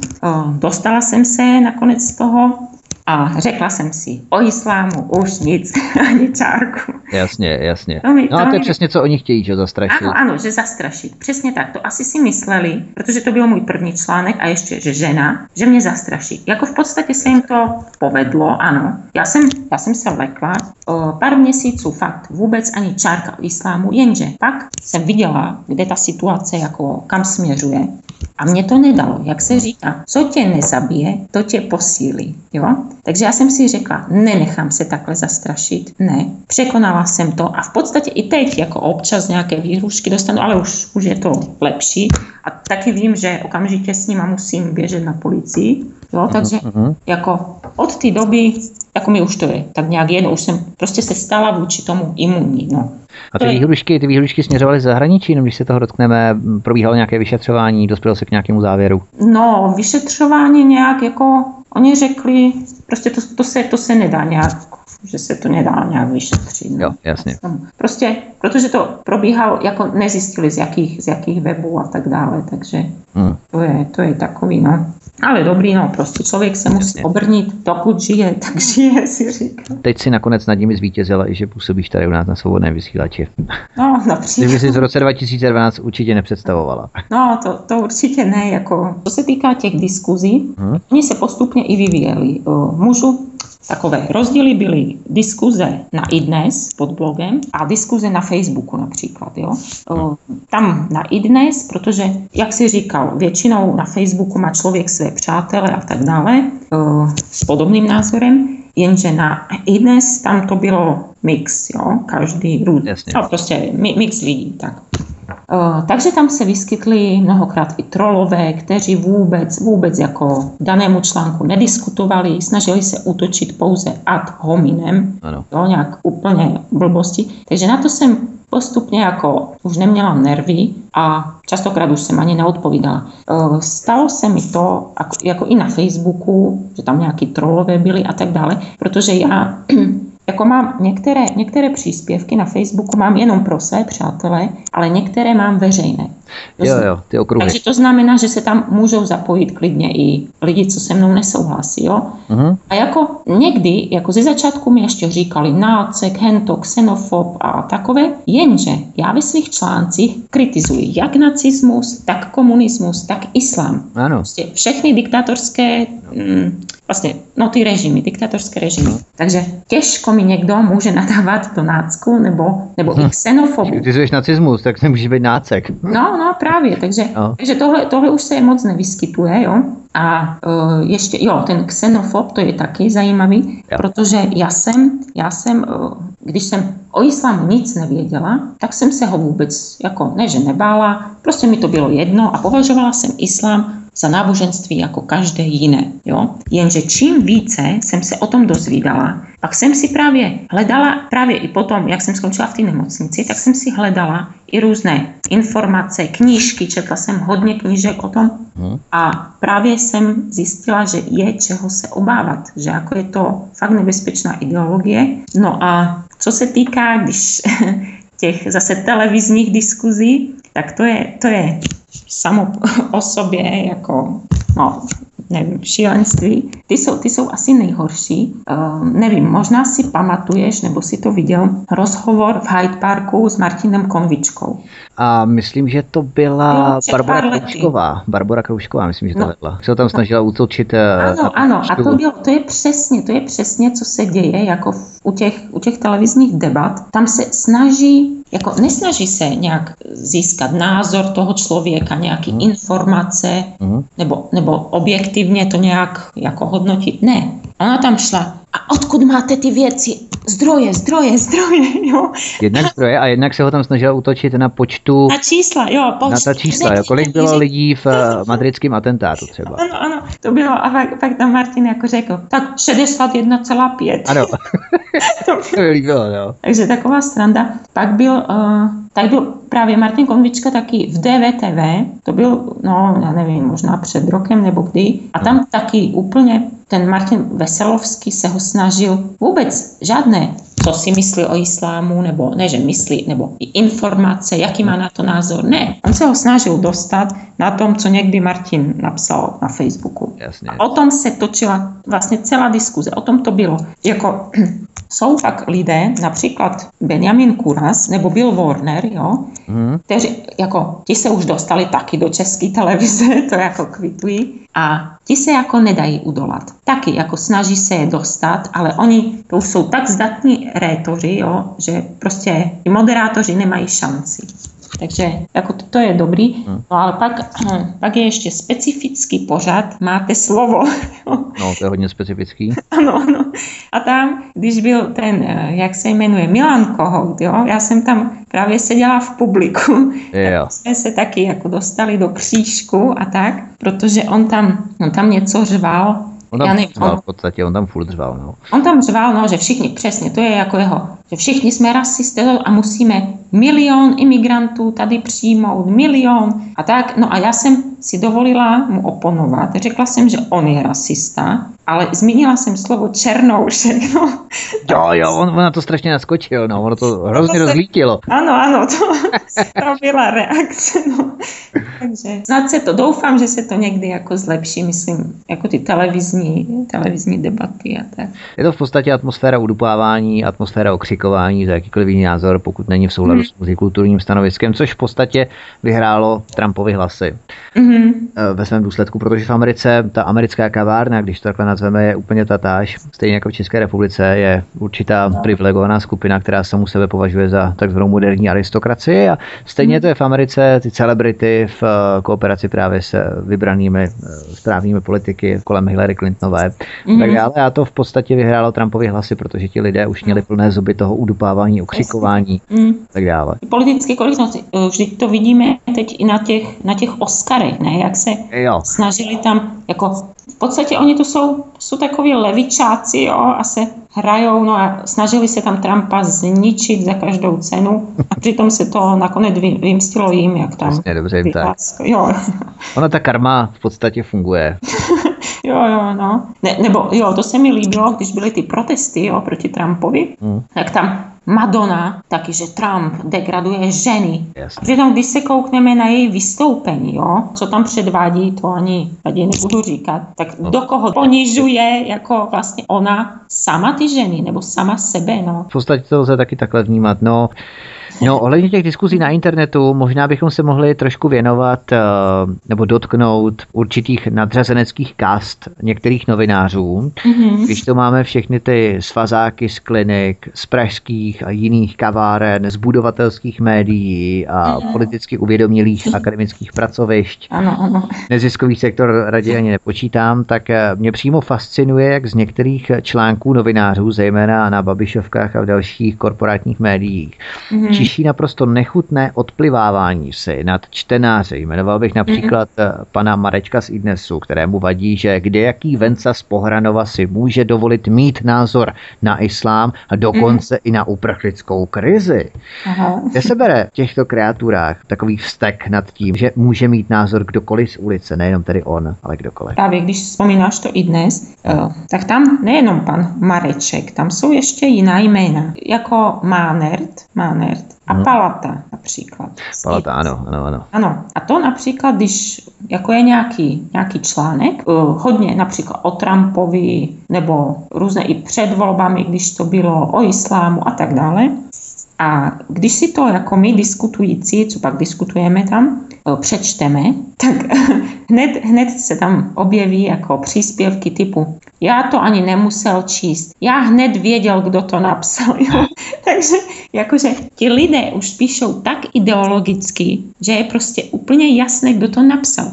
Tam už se jim vysmívají, že píšou jak z rudého práva. Uh-huh. Ale fakt, no, to je, to je jako kadr. Mají, mají úkol a jedou zatím no. ne, nesmysly a jako já jsem se nad tím jako mnohokrát zamýšlela, proč, proč to dělají, jako jestliže to skutečně myslí vážně, upřímně, nebo, nebo to píšou pro peníze, tak to. Já bych řekla, že u některých, jako novinářů, všeobecně, jo, to bude zřejmě z důvodu, že koho chleba jíš, toho píseň zpívej. No prostě bojí se o hypotéky a tak dále. Ale u dalších mm, možná, že možná, že chtějí patřit k takzvané elitě mm. a myslí si, že když jim půjdou na ruku, tak alespoň nějaké odrobinky k ním padnou. Yes. Jenže to mi přijde jako z jejich, z jejich pohledů hrozně jak to říct, krátko, krátkozraké, přesně, protože mm. oni, oni nemají ty peníze takové jako ty elity, nemají ty, tu ochranku, ty vysoké zdi a tak dále.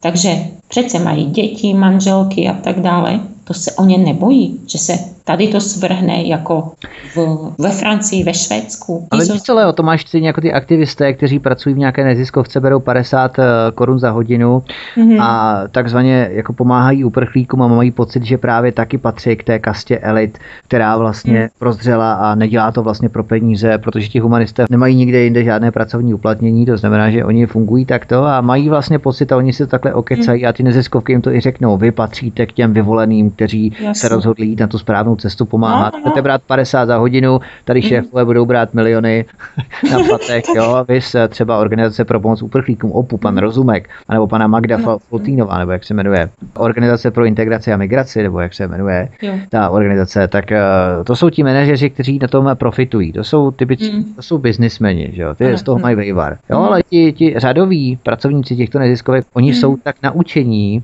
ano. že mají pocit, že jsou právě těmi vyvolenými, byť za to berou 50 korun za hodinu. No v podstatě, v podstatě slouží jako takový užiteční idioti. Mm, no, když, armáda. Ano, ano, armáda užitečných idiotů, kteří plácají to, co jim jako někdo, někdo do hlavy dal prostě žádný, žádný svůj názor. Člověk jim může dát takové makové argumenty, statistiky, koukněte, tady video, dokument, hento, tamto, oni nevěří ničemu. Ne, oni prostě tam jde, podle mě, jako jejich psychologická motivace spočívá i v tom, mm, jakože mají nízké, nízké sebevědomí, nízké ego. Mm. A prostě chtějí se udělat nějak lepšími a v podstatě možná, že i zažili v minulosti něco špatného a takto se vlastně mstí té společnosti. Jo, vždyť, jak si sám říkal, některé ty ženy i muži, no to vypadají docela, docela hrůzně. Hmm. Takže jako ženy mě nechtějí, tak já se jim pomstím. Yeah. Pošlu tady na ně islám a hotovo. A budou mít čtyři ženy. A budeme vypadat všichni stejně, já se nebudu muset líčit, strojit, no, oblíkat. No, no, no, zase ano, ano, ze strany žen zase takhle, ano. A muži zase budu si, budu si mo, jako moci dělat, co chci s těmi ženami a tak dále, jo. Takže vlastně dnes už velká část novinářů nepatří vůbec k těm hlídacím psům demokracie nesnaží se informovat nějak objektivně, samozřejmě čest výjimkám a svobodnému vysílači, jo. ale dnes, dnes mi to přijde, že ti novináři patří spíše takovým zastáncům nebo obhájcům eh, toho statusu quo. Uh-huh. Jako myslí si, že když budou papouškovat to, co chtějí elity slyšet, takže odměna je nemine. No. Ono se v podstatě posunulo vnímání společnosti. Já už nevím, s kým se to řešilo, možná s panem Tichým, nevím aha, s kým přesně. Aha jako příklad uvedu takzvanou sametovou revoluci, kdy mhm. byl lid stavěn na vznešený pědestál těch, kteří bojovali za práva, za demokracii, za svobodu, jo, ale opět 10-15 mhm. let až do teď, mhm. později, kdy a elity a establishment už žádnou revoltu lidí nepotřebují, tak najednou lidé nejsou těmi vznešenými bytostmi, které bojují za ideály svobody, demokracie, lidských práv, ale už je to lůza z ulice, chátra, která podléhá různým vlivům, xenofobii, extremismu, rasismu nebo populismu. Jak si vedly vlastně naše elity v posledních 27, 28 letech? Tak, že naše zadlužení je 1,6 bilionu korun. Přitom na mocenských pozicích seděli samí doktoři, advokáti, právníci, ekonomové, takže pokud někdo bude řečnit o tom, jak jsou lidé nespůsobilí podílet se na vládě na moci prostřednictvím například referent, máme nespočet příkladů z historie, které dokazují, že právě lidé byli hlavním hybatelem historických událostí ve směru utváření moci navzdory libovůli elitářské aristokracie, která měla pocit vlastní výjimečnosti, výlučnosti a privilegovaného postavení ve společnosti. Neposunulo se tak vnímání společnosti optikou elit tímto směrem? K tomu bych řekla asi tolik, že o, tuto, tuto změnu, jo, tento posun vnímání vidím v tom, že různým, různým elitám se vždy, vždycky hodí a hodilo něco jiného. Ale v podstatě se jedná o, o to samé, o ten samý koloběh, jenom kulisy se mění. E, pokusím se to vysvětlit. E, například v době bývalého režimu byli oceňováni lidé, eh, kteří souhlasili s komunistickou stranou. Jo. Novináři psali, jak jim strana velela. Hmm. Eh, Rudé právo frčelo na plné obrátky, co se týká propagandy. Například pan Štětina.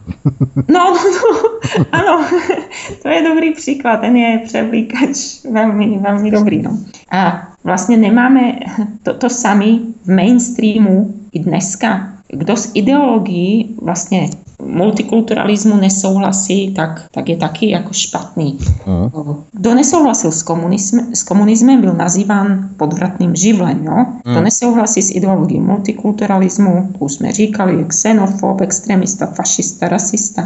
Uh, jako komunističtí papaláši uh, nevy, nevykreslovali tyto bojovníky za demokracii v lichotivém světle. V lichotivém světle je začala, začali vykreslovat až, až ty elity, které se postupně dostaly k moci. Jo, potom, potom 89. roce. Až pak to byli jako bojovníci za svobodu a super, super, hento tamto. Pro ně, pro ty elity to bylo výhodné. Jenže mezi tím se to změnilo. Mezitím se na světlo světa probojovala ideologie multikulturalismu, která občanům nevyhovuje, ale elitám ano. A proto najednou ten posun od bojovníků za svobodu k luze a xenofobů. Jo? Takže až se, až se současné elity, nebo až současné elity odejdou od válu, stejně jako ty komunistické, tak se bude o xenofobech a islamofobech mluvit v superlativech.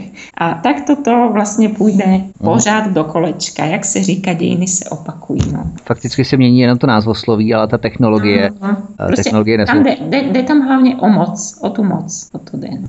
Ohledně té xenofobie, já jenom na Margo toho připomenu, my jsme se to bavili s Raštěm Blaškem, což je jeden z novinářů slovenských, bývalý diplomat a my jsme se bavili o Adriáně, jak natočila to video mm-hmm. a dělali jsme si legraci z toho, že ona vlastně taky je xenofobka, ale ne xenos jako úzkost. Ona je xenofobka v roli xeny bojovnice.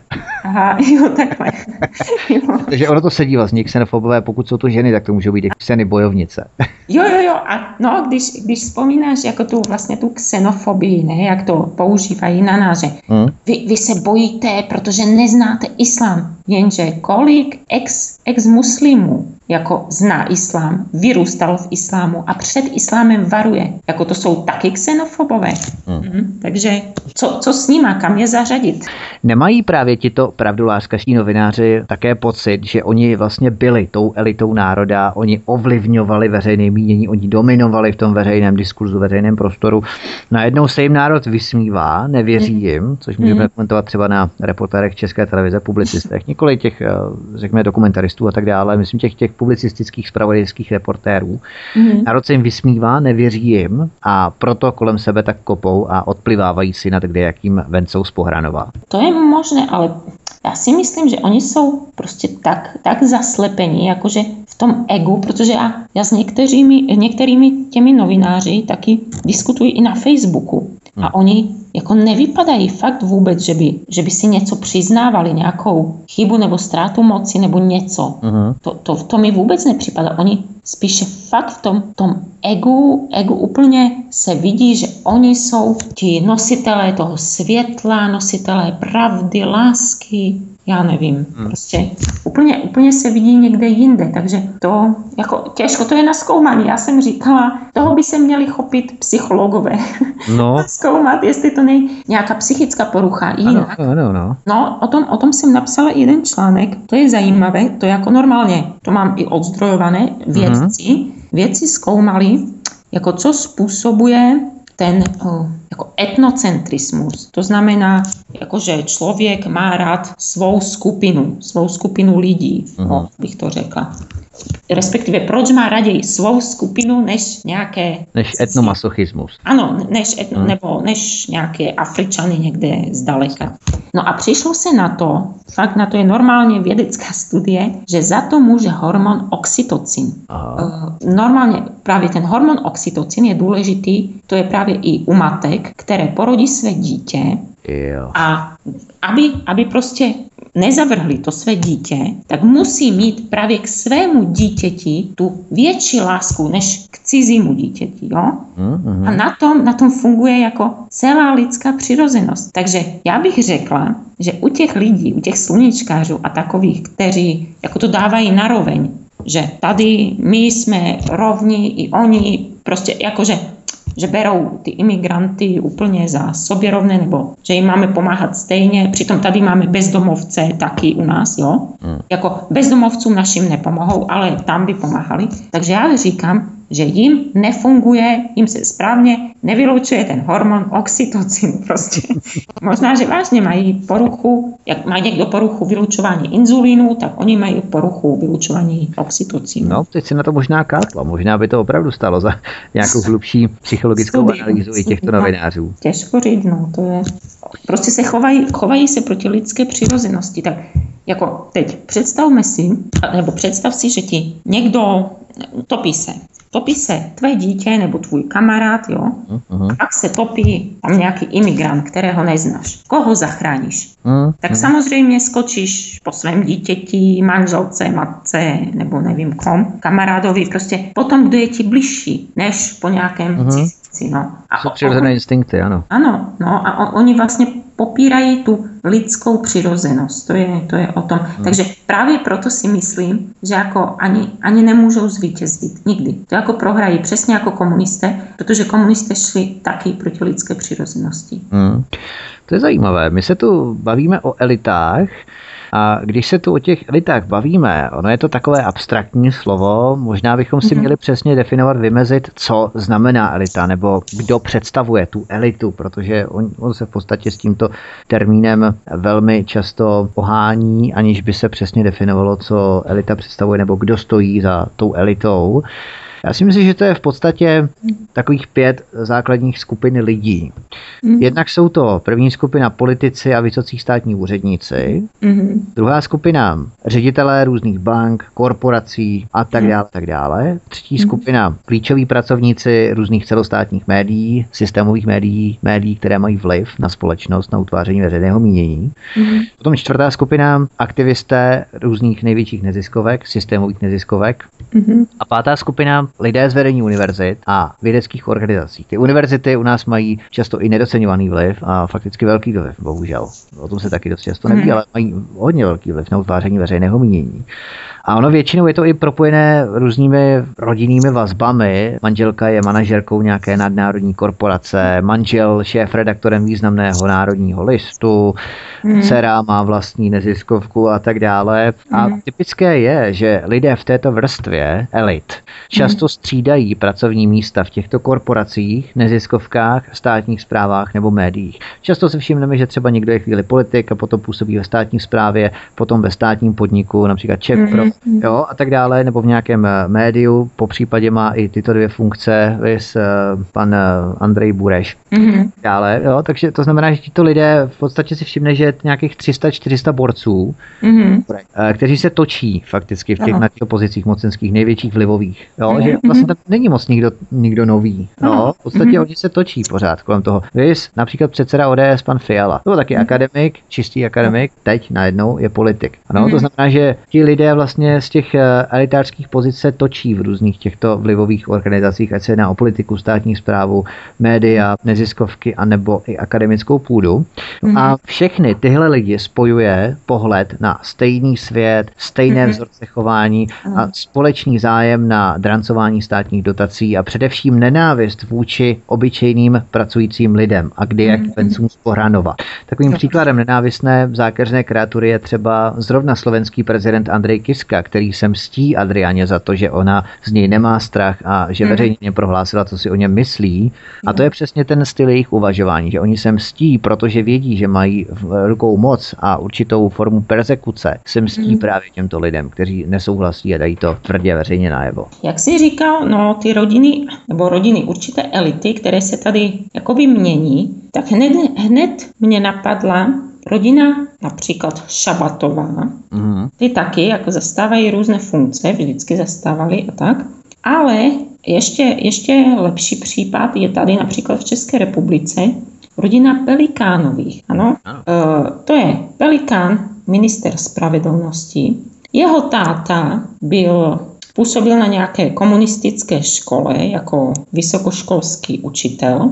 Je, jeho máma zase působila působí ještě možná někde v OSN a bratr, jo, co, což je muslim, takže je těžko říct, jestli celá rodina není muslimská, no ale dobrý, to je spekulace. E, prostě bratr muslim, ten působí jako velvyslanec v Sudánu. Jo, takže každý, každý z nich má nějakou důležitou funkci a e, vlastně, jak už jsem to vzpomínala i dřív, elity mi připadají jako odtržené od reality. Žijí ve své sociální bublině a nějaké napádání a znásilňování imigranty, to je prostě nezajímá. Jim jde hlavně o tu svou moc, o ten svůj dobrý pocit, aby si připadali jako lepší lidé, ale, ale hlavně tam moc. To, že svým páchaním dobra v úvozovkách vlastně ubližují již nejsou schopni vidět nebo, nebo je jim to jedno. E, kromě toho, tyto elity fungují častokrát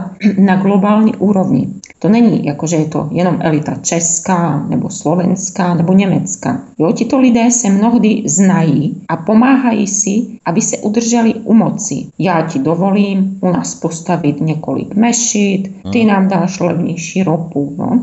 Já přijmu tisíce imigrantů, ty mi zas zasponzoruješ kampaň například Hillary Clintonová, ta se zastávala muslimu vždycky její nejbližší spolupracovnice, muslimka a sponzorovala ji do Saudská Arábie například. E, Jo a že nějaká holka, jak ten Kiska, jako že nějaká holka urazila islám, tak to ne, holčičko, to by se našim kamarádům nelíbilo. Uh-huh. Pořádný trest tě nemine, ať se jim zavděčíme, takže asi o tom to je. Uh-huh.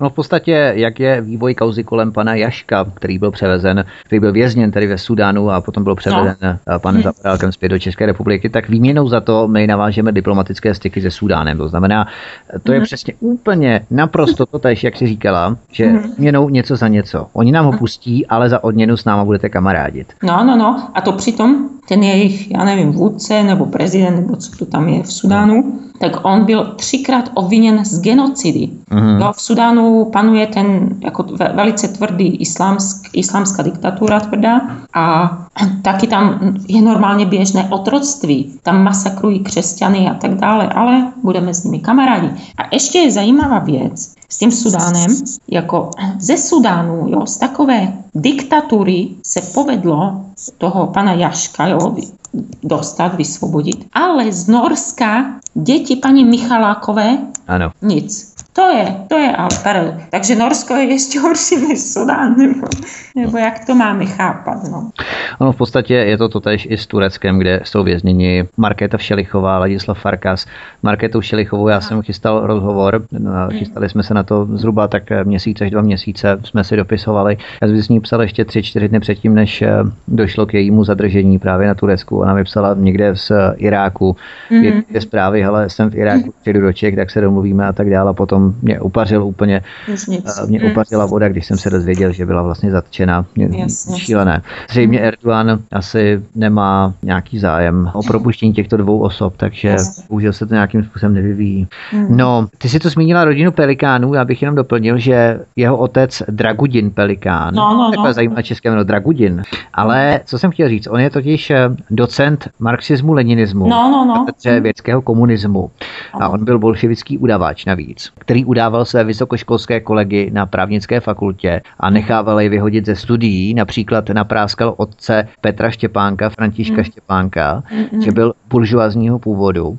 No a zajímavější právě je, že starší bratr Petr Pelikán, jak si ho zmiňovala, ano. tak on je přesně konvertovaný muslim. V České republice zastupuje jako honorární konzul právě muslimský stát Súdán, takže mm. nevím, jestli byl v této kauze také nějakým způsobem zainteresován. Mm. Ale jo, k tomu ještě bych zmínila jednu věc. Jako právě ten Petr Pelikán, muslim, eh, takhle, jeho bratr, který je minister spravedlnosti eh, v České republice, tak ten by za názory na islám nejraději zavíral, jo? To se, hmm. to proběhla kauza a tak dále, ten by nejraději zavíral. Ale například právě ten muslim, jeho bratr, je ještě rozumnější než on, protože on sám jako muslim se vyjádřil, že islám v Evropě je časovaná bomba. No, to je sice pravda, ale já právě si vzpomínám na pořad s Petrem Pelikánem. Mm-hmm. Myslím v České televizi před půlnocí. Nevím, jestli ten pořad ještě chodí nebo ne, že já Českou televizi úplně vynechávám, tak nevím, jestli mm-hmm. ten pořad ještě existuje stále, ale chodil pořad před půlnocí a on tam byl hostem a na dotaz moderátora, že islamský stát uřízl nějaké zadržované osobě hlavu, tak on odpověděl, no a co jako? Takže ono tak je to takový diskutabilní, do jaký míry no, no, no. Mm. vůči islámu, jak se vymezuje a tak dále. Jasně, no. Jako, on, má, on má někdy jako takové zajímavé hlášky dobré a někdy jako úplně mimo. No. no. Ale když se vrátíme ještě k těm novinářům, jsou tu další elitářští novináři, mm-hmm. kteří tvrdí, jako třeba pan Jan Piňoc z Respektu, že no. se nemáme křečovitě bránit nějakými ploty, protože ploty mm-hmm. jsou pouze iluzí a lepší mm-hmm. je podle nich výjít změnám vstříc a čím více se budeme křečovitě držet našich hodnot a našeho životního stylu, tím to prý bude ještě horší podle nich. Co bys eh, namítala na tohle? To čteš mezi řádky? No, tak mezi řádky čtu, že pan Pinos, Pinos jo, vlastně říká a mnoho, mnoho dalších lidí to říká taky, vlastně říkají, že se máme nechat islamizovat a v podstatě schvalují genocidu, genocidu národa. Protože genocida neznamená nezbytně jenom okamžité zničení národu. Genocida je i úmysl o postupnou dezintegraci a rozložení daného národu. E, například tohle dělal kdysi i Stalin. Jo? On přemysťoval různé národy jako v rámci území, uh-huh. aby vytvořil takzvaného nového sovětského člověka, jo, nového komunistického člověka. A tohle, tohle je taky prostě uh, takto. Jestli mohu to poručit, kdo to neviděl, doporučuji, dej, dejte si YouTube a tam si zadejte antirasista Hitler. To je takové video, video asi desetiminutové, eh, které pojednává o tom, co by se stalo, kdyby se z Hitlera, který byl jako totálně rasista, stal najednou antirasista, který vyznává prostě všechno to sluníčkové, to imigrantské a bla, bla, bla. Uh-huh. Prostě došlo by, v podstatě by došlo k tomu samému, k tomu samému, k zničení národů. Jenom by to trvalo další dobu, ale vlastně je to taková sofistikovanější forma. Jo? Takže teď už se, teď už zjistili, že jako to přímé vyvražďování, hm, to ne, takže si tady pozveme tisíce, sta tisíce imigrantů a uděláme nový národ, zničíme národ. A ještě, ještě by mě zajímalo, jestli pan Piňos a tyto lidé nezamykají ani svůj byt, protože to je vlastně taky takovým plotem. To je taky iluze, ano. Ano. Hmm. Měli, měli by věřit všem a otevřít své dveře. Říct své srdce, své peněženku a své byty. ano, ano. A, pro, a proč nepřijmou bezdomovce české, ať, ať si je vemou taky, no. To je old school, to už se nedělá. Dneska je, dneska je jinak. Te, te, teď je in, teď jsou in imigranti. Jsou ano. imigranti. Kdo ví, to bude za deset let. Možná si budou brát oni nás potom. Oni nás svým počtem, kde ví. Ale když si vlastně vezmeš terorismus jako fenomén dnešní doby, my tady mm-hmm. máme spoustu teroristických útoků v Evropě, a tak dále, tak je ale potřeba si uvědomit, že jen ve 20. století bylo zavražděno více než 150 milionů lidí rukou státu. Mm. V Rusku například rudý teror, 60 milionů obyvatel. Mm. Hitlerův režim, 22 milionů obyvatel, cirka. Mao Tse-tung, 60 milionů venkovských rolníků. Mm. No se udává 60 milionů, může být 50, může být 55 milionů. Jasně. Jo, jde o ten princip. Tak mm. uh, stanovme 60 milionů venkovských rolníků. No. 300 tisíc civilistů v Guatemala. Přes 2 miliony zavražděných lidí vládou v uh, Kambodži, Pol Pot. Mm. Milion a půl zabitých v Turecku. 300 mhm. tisíc zabitých v Ugandě. 800 tisíc ubytok smrti mačetami ve Rwandě. Mm. A tak dále a tak dále. Tak není vlastně tím největším teroristou stát sám, naše vlády? Takto. Nejprve, jako chtěla bych zmínit, že nejsem jako žádná anarchistka, jo. Tedy hmm. jako myšlence úplné likvidace státu jako instituce neholdují.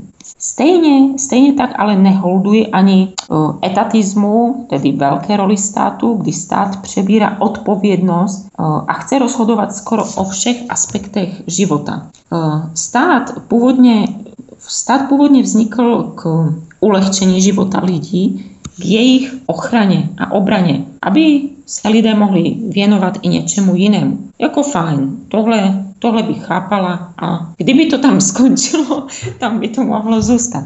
Jenže eh, postupem času si stát uzurpoval více a více moci, jo? více byrokracie, hmm. mm, více jako ukrajování svobody lidem a tak dále. No a jako samotný, samotný stát jako takový ještě jako je špatný, ten velký, ale není, není to ještě ten terorismus. Teroristickým se stává až v spojení s jistou ideologií, e, například v spojení s komunismem, nacismem, islámem. Tehdy, tehdy až se to stává i, uh, jako diktaturou. Velký stát plus ideologie. To je jako základ. Uh-huh. Například, hm, tak to já nevím, možná, že už jste měli, nebo budete mít rozhovor s Jirkou Kobzou. Jo, to ano. už jsem tady měl dvakrát nebo třikrát. No, no, no. Uh-huh. A ten, ten právě žil v Iránu a on, on napsal skvělý článek, skvělý článek právě o tom, jak islám je v podstatě velice podobný komunismu. Jo, jen tam má místo komunismu ten islám. Hmm. Prostě všichni se bojí, drží hubu a krok, ano. A odpadlíci jsou trestaní smrti. Tady byli odpadlíci vlastně no, tak nějak persekuováni a tak dále. Jako fakt těch podobností se tam dá najít mnoho. Takže jako ano, stát může být teroristický, ale ve spojení s ideologií. A velký stát je taky, je taky špatný. No, to. Nej, nejsem úplně zastánce etatismu, to ne. Mm.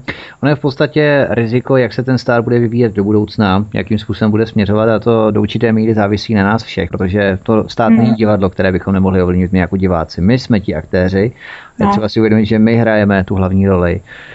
Tváření toho státu, jeho směřování a potom samozřejmě to může se stát i do té míry, jak budeme persekuováni z pozice vládní moci. To je právě blbý je, že jako mnoho lidí rezignuje. Totálně rezignuje a řekne si, co já můžu změnit, já nemůžu nic. Přesně, to mě úplně vytáčí tohle. Proč chodit na demonstrace, já nemůžu nic. A proč psát, nic se nezmění a hen to tamto. To je, jo, to říkají mnoho mých jako rodinných příslušníků. Já na to mám totální nervy. No, no, no, no, no, no. A, a my nezmůžeme nic. No tak dobře, tak nezmůžete nikdy nic a zůstaneme všichni, no, nechci říct. Hmm.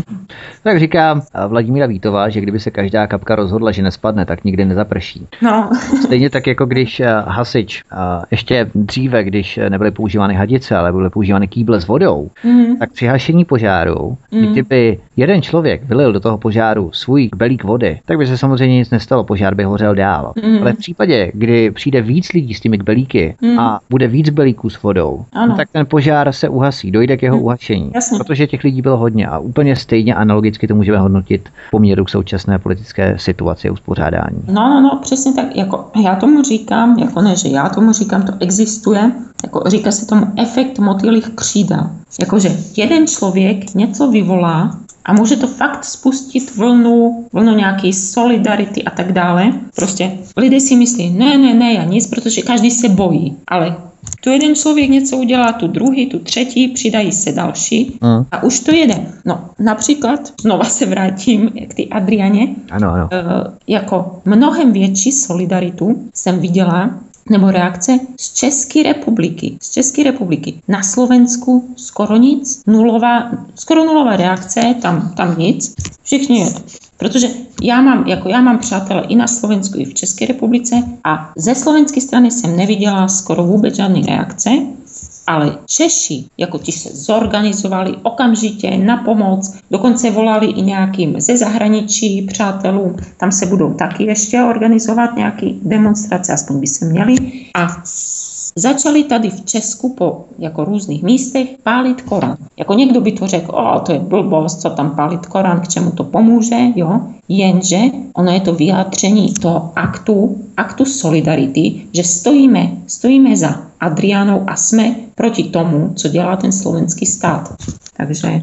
Ono v podstatě já bych možná na obranu Slováků znesl námitku, mm-hmm. že tam je jednak eh, pálení Koránu tady považováno za trestný čin, i když to není samozřejmě ještě zákonem kodifikováno, mm-hmm. precizováno, ale Slováci se samozřejmě bojí, protože se ocitají v tom též státě, v tom též státním mm-hmm. zřízení. Naopak Češi, my máme jiné zákonné uspořádání, my nespadáme pod judikaturu Slovenské republiky, to znamená, my si to můžeme dovolit. Stejně jako si myslím, že kdyby se mhm. něco podobného stalo tady u nás v České republice, tak by mhm. se zvedla vlna solidarity na Slovensku, aspoň tedy doufám, mm. protože Slováci by také nespadali pod eh, legislativní pravomoce a judikaturu, eh, justici, policii, prokuraturu, úřady mm. České republiky. Jo? Takže možná je to určitá solidarita vedlejší republiky, která ví, že na ní slovenská policie nemůže. Jasně, ale jako zase, zase je to, opět je to o tom, o tom strachu, jo? Vždycky za nás jako mm-hmm. musí bojovat někdo, někdo jiný. Jasně. Protože nemůžeme bojovat sami za sebe, protože všichni se bojí, nebo, ale, ale kdyby se fakt zvedla ta vlna odporu i na Slovensku, tak co? Co zav, zavřou? Půlku republiky nebo... Přesně, přesně. Přesuňme se už k posledním pár tématům závěrem našeho rozhovoru. Přesuňme se do Velké Británie. Mm-hmm. Studenti Londýnské univerzity orientálních a afrických studií, což je přední světový ústav zaměřující se na rozvojová studia, tak tito studenti se nechtějí učit o Platónovi, René Desartesovi nebo Immanuelu Kantovi, protože jsou prý bílí. A členové této studentské unie, té Univerzity orientálních a afrických hmm. studií, trvají na tom, že většina filozofů, o kterých by se měli v kurzech vzdělávat, má pocházet z Afriky nebo Ázie. Takže Psal o tom britský server, mimochodem The Independent. A cílem této unie studentů je širší kampaň za dekolonializaci univerzity. To je jak ta deradikalizace ve Francii, tak je dekolonizace univerzity. A na které jsou podle nich eh, založeny základy vědění tam vyučovaného. Co bys, co bys na to řekla? Jak bys to komentovala? No, ale to je jako v podstatě, je to rasismus. Je to rasismus na druhou. Je to rasismus. Tak na jedné straně, jako, že nesmíme nesmíme tam ty černy jako nijak diskriminovat a oni teď budou diskriminovat jako bílé filozofy, ať mi, ať mi vymenujou africké filozofy. No. no, ale dobře, teď abych to nějak komentovala. V podstatě to, co ti to co tito studenti hm, předvedli, tak eh, i to, co se děje v kultuře, je přesně, je přesně výsledek dlouhého pochodu institucemi, který vychází z neomarxismu. Těch studentů je mi v podstatě líto, i když se směju, ale hm. protože oni si ani neuvědomují, jak mají ideologicky vymité mozgy. Ono, když v tom někdo vyrůstá jo, od malička, tak, tak prostě má vymitý mozek. No. Alexander Solženicin hm, řekl, abyste zničili národ, musíte nejprve zpřetrhat jeho koreny kořeny, tak, kořeny. E, Evropská unie e, vypustila z Evropské ústavy zmínku o křesťanských korenech, kořenech. A máme tady vlastně to první zpřetrhání. E, vlastenectví nebo národ, to už jsou v podstatě neslušná slova, druhé zpřetrhání. Zmíníte nějakého národního hrdinu, okamžitě se nahrnou různí relativi, re, relativizátoři, takže to máme třetí zpřetrhání imigranti válči, valí, valící se do Evropy, to je další jo, z přetrhání. Na západě se přepisují učebnice dějepisů a tohoto, jak to teď vidíme, tak to je další z přetrhání. Vidíme tady prostě snahu o novou revoluci, novou e, přes kulturu a vzdělání. E, vidíme tady propagandu, aby se lidé identifikovali s různými menšinami. Aby současní revolucionáři mohli vytvořit nový národ, musí národu vzít jeho paměť, zničit jim jejich kulturu, vzdělanost, historii. A národ pak vlastně začne zapomínat, čím je a čím byl. A ještě se vrátím k té Evropské unii. Evropská unie místo toho, aby fakt řešila palčivé problémy, jako je imigrace, co už jako i mnoho amerických politiků řeklo, že kdyby Evropská unie chtěla, mohla by to vyřešit tak EU řeší například práva lesbiček a gejů v Mongolsku nebo rybolov na Kukových ostrovech. No, tak tomu říkám... Můžeš prozradit, odkud máš tu informaci, nebo abychom to dokreslili, protože někdo myslí, že to je hoax. Jo, tak... ne, ne, ne, tuto informaci mám od uh, asistenta europoslance. Tak. Takže Evropská unie řeší aktuálně práva gejů a lezeb v Mongolsku a rybolov na Kukových ostrovech. Ano, ano, ano. ano. To je prostě palčivé, palčivé téma. Prostě to, to nás máme všechno vyřešené, tak o, v podstatě je potřeba se postarat o zbytek světa. No, no, no. to je naprosto jako neuvěřitelný člověk. A přitom ta Evropská unie furt, ano, ano, my chceme řešit, my chceme řešit tu imigraci, pak je summit 1, summit 2, summit 25. Jasně. A maximálně k čemu dojdou, tak je to, že si máme rozdělit ty imigranty. Ano, to hmm. je výsledek.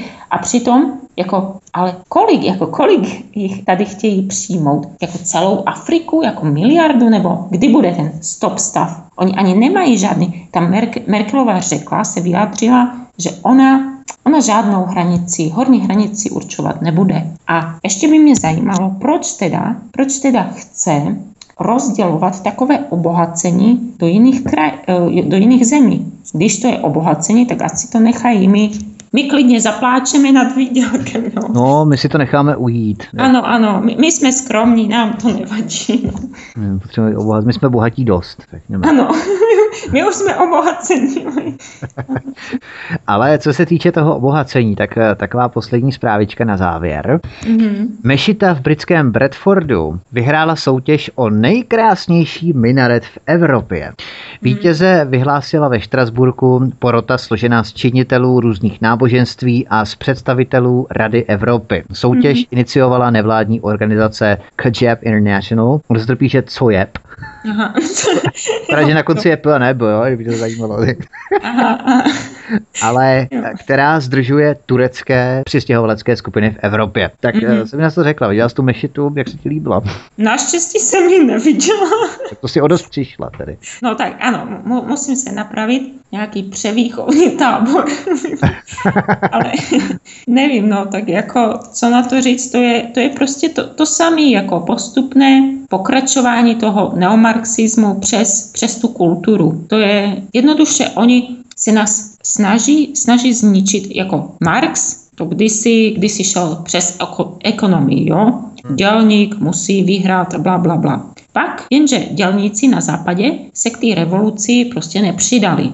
Tak pak frankfurtská škola zkoumala, proč, proč se to jako nepovedlo, proč ta revoluce nezvítězila. A přišli na to, že jako hlavní, hlavním problémem je láska k Bohu, jako ke křesťanství, takže vidíme samé útoky na křesťanství, láska k národu opět a láska e, k rodině. Takže tam, tam op- takže oni šli na to přes tu kulturu, že musíme přes, to, přes ty instituce, přes umění, přes uh, univerzity a tak dále změnit celý ten národ a tím je jako uvrhneme do toho chaosu. No. Takže Hmm. I tohle má pro mě podobnou cenu. No. Je, to, je to snaha o vyvolání chaosu. Jako, dobře, nějaká, nějaká mešita nebo minaret, nebo co to je, hmm. může být krásná, ale jako nepatří to k naší kultuře. Nepatří to k naší hmm. A nějakou soutěž o nejkrásnější kostel jsem nezaznamenal, nevím, jestli no, to probíhalo.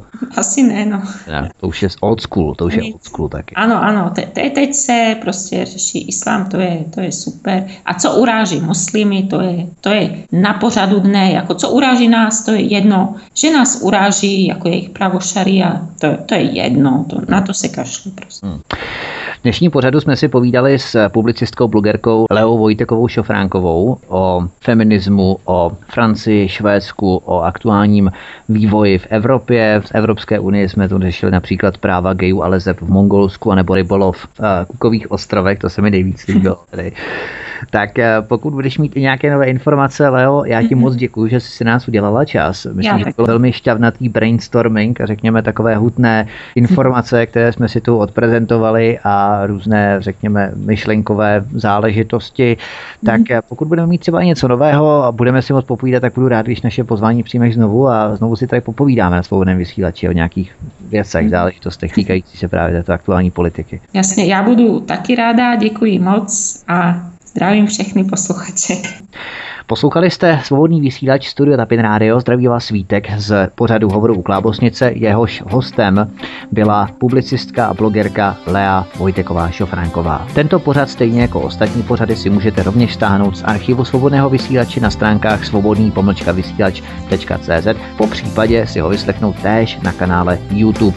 S přáním příjemných poslechů další pořadů se s vámi od mikrofonu loučí Vítek. Hezký zbytek večera.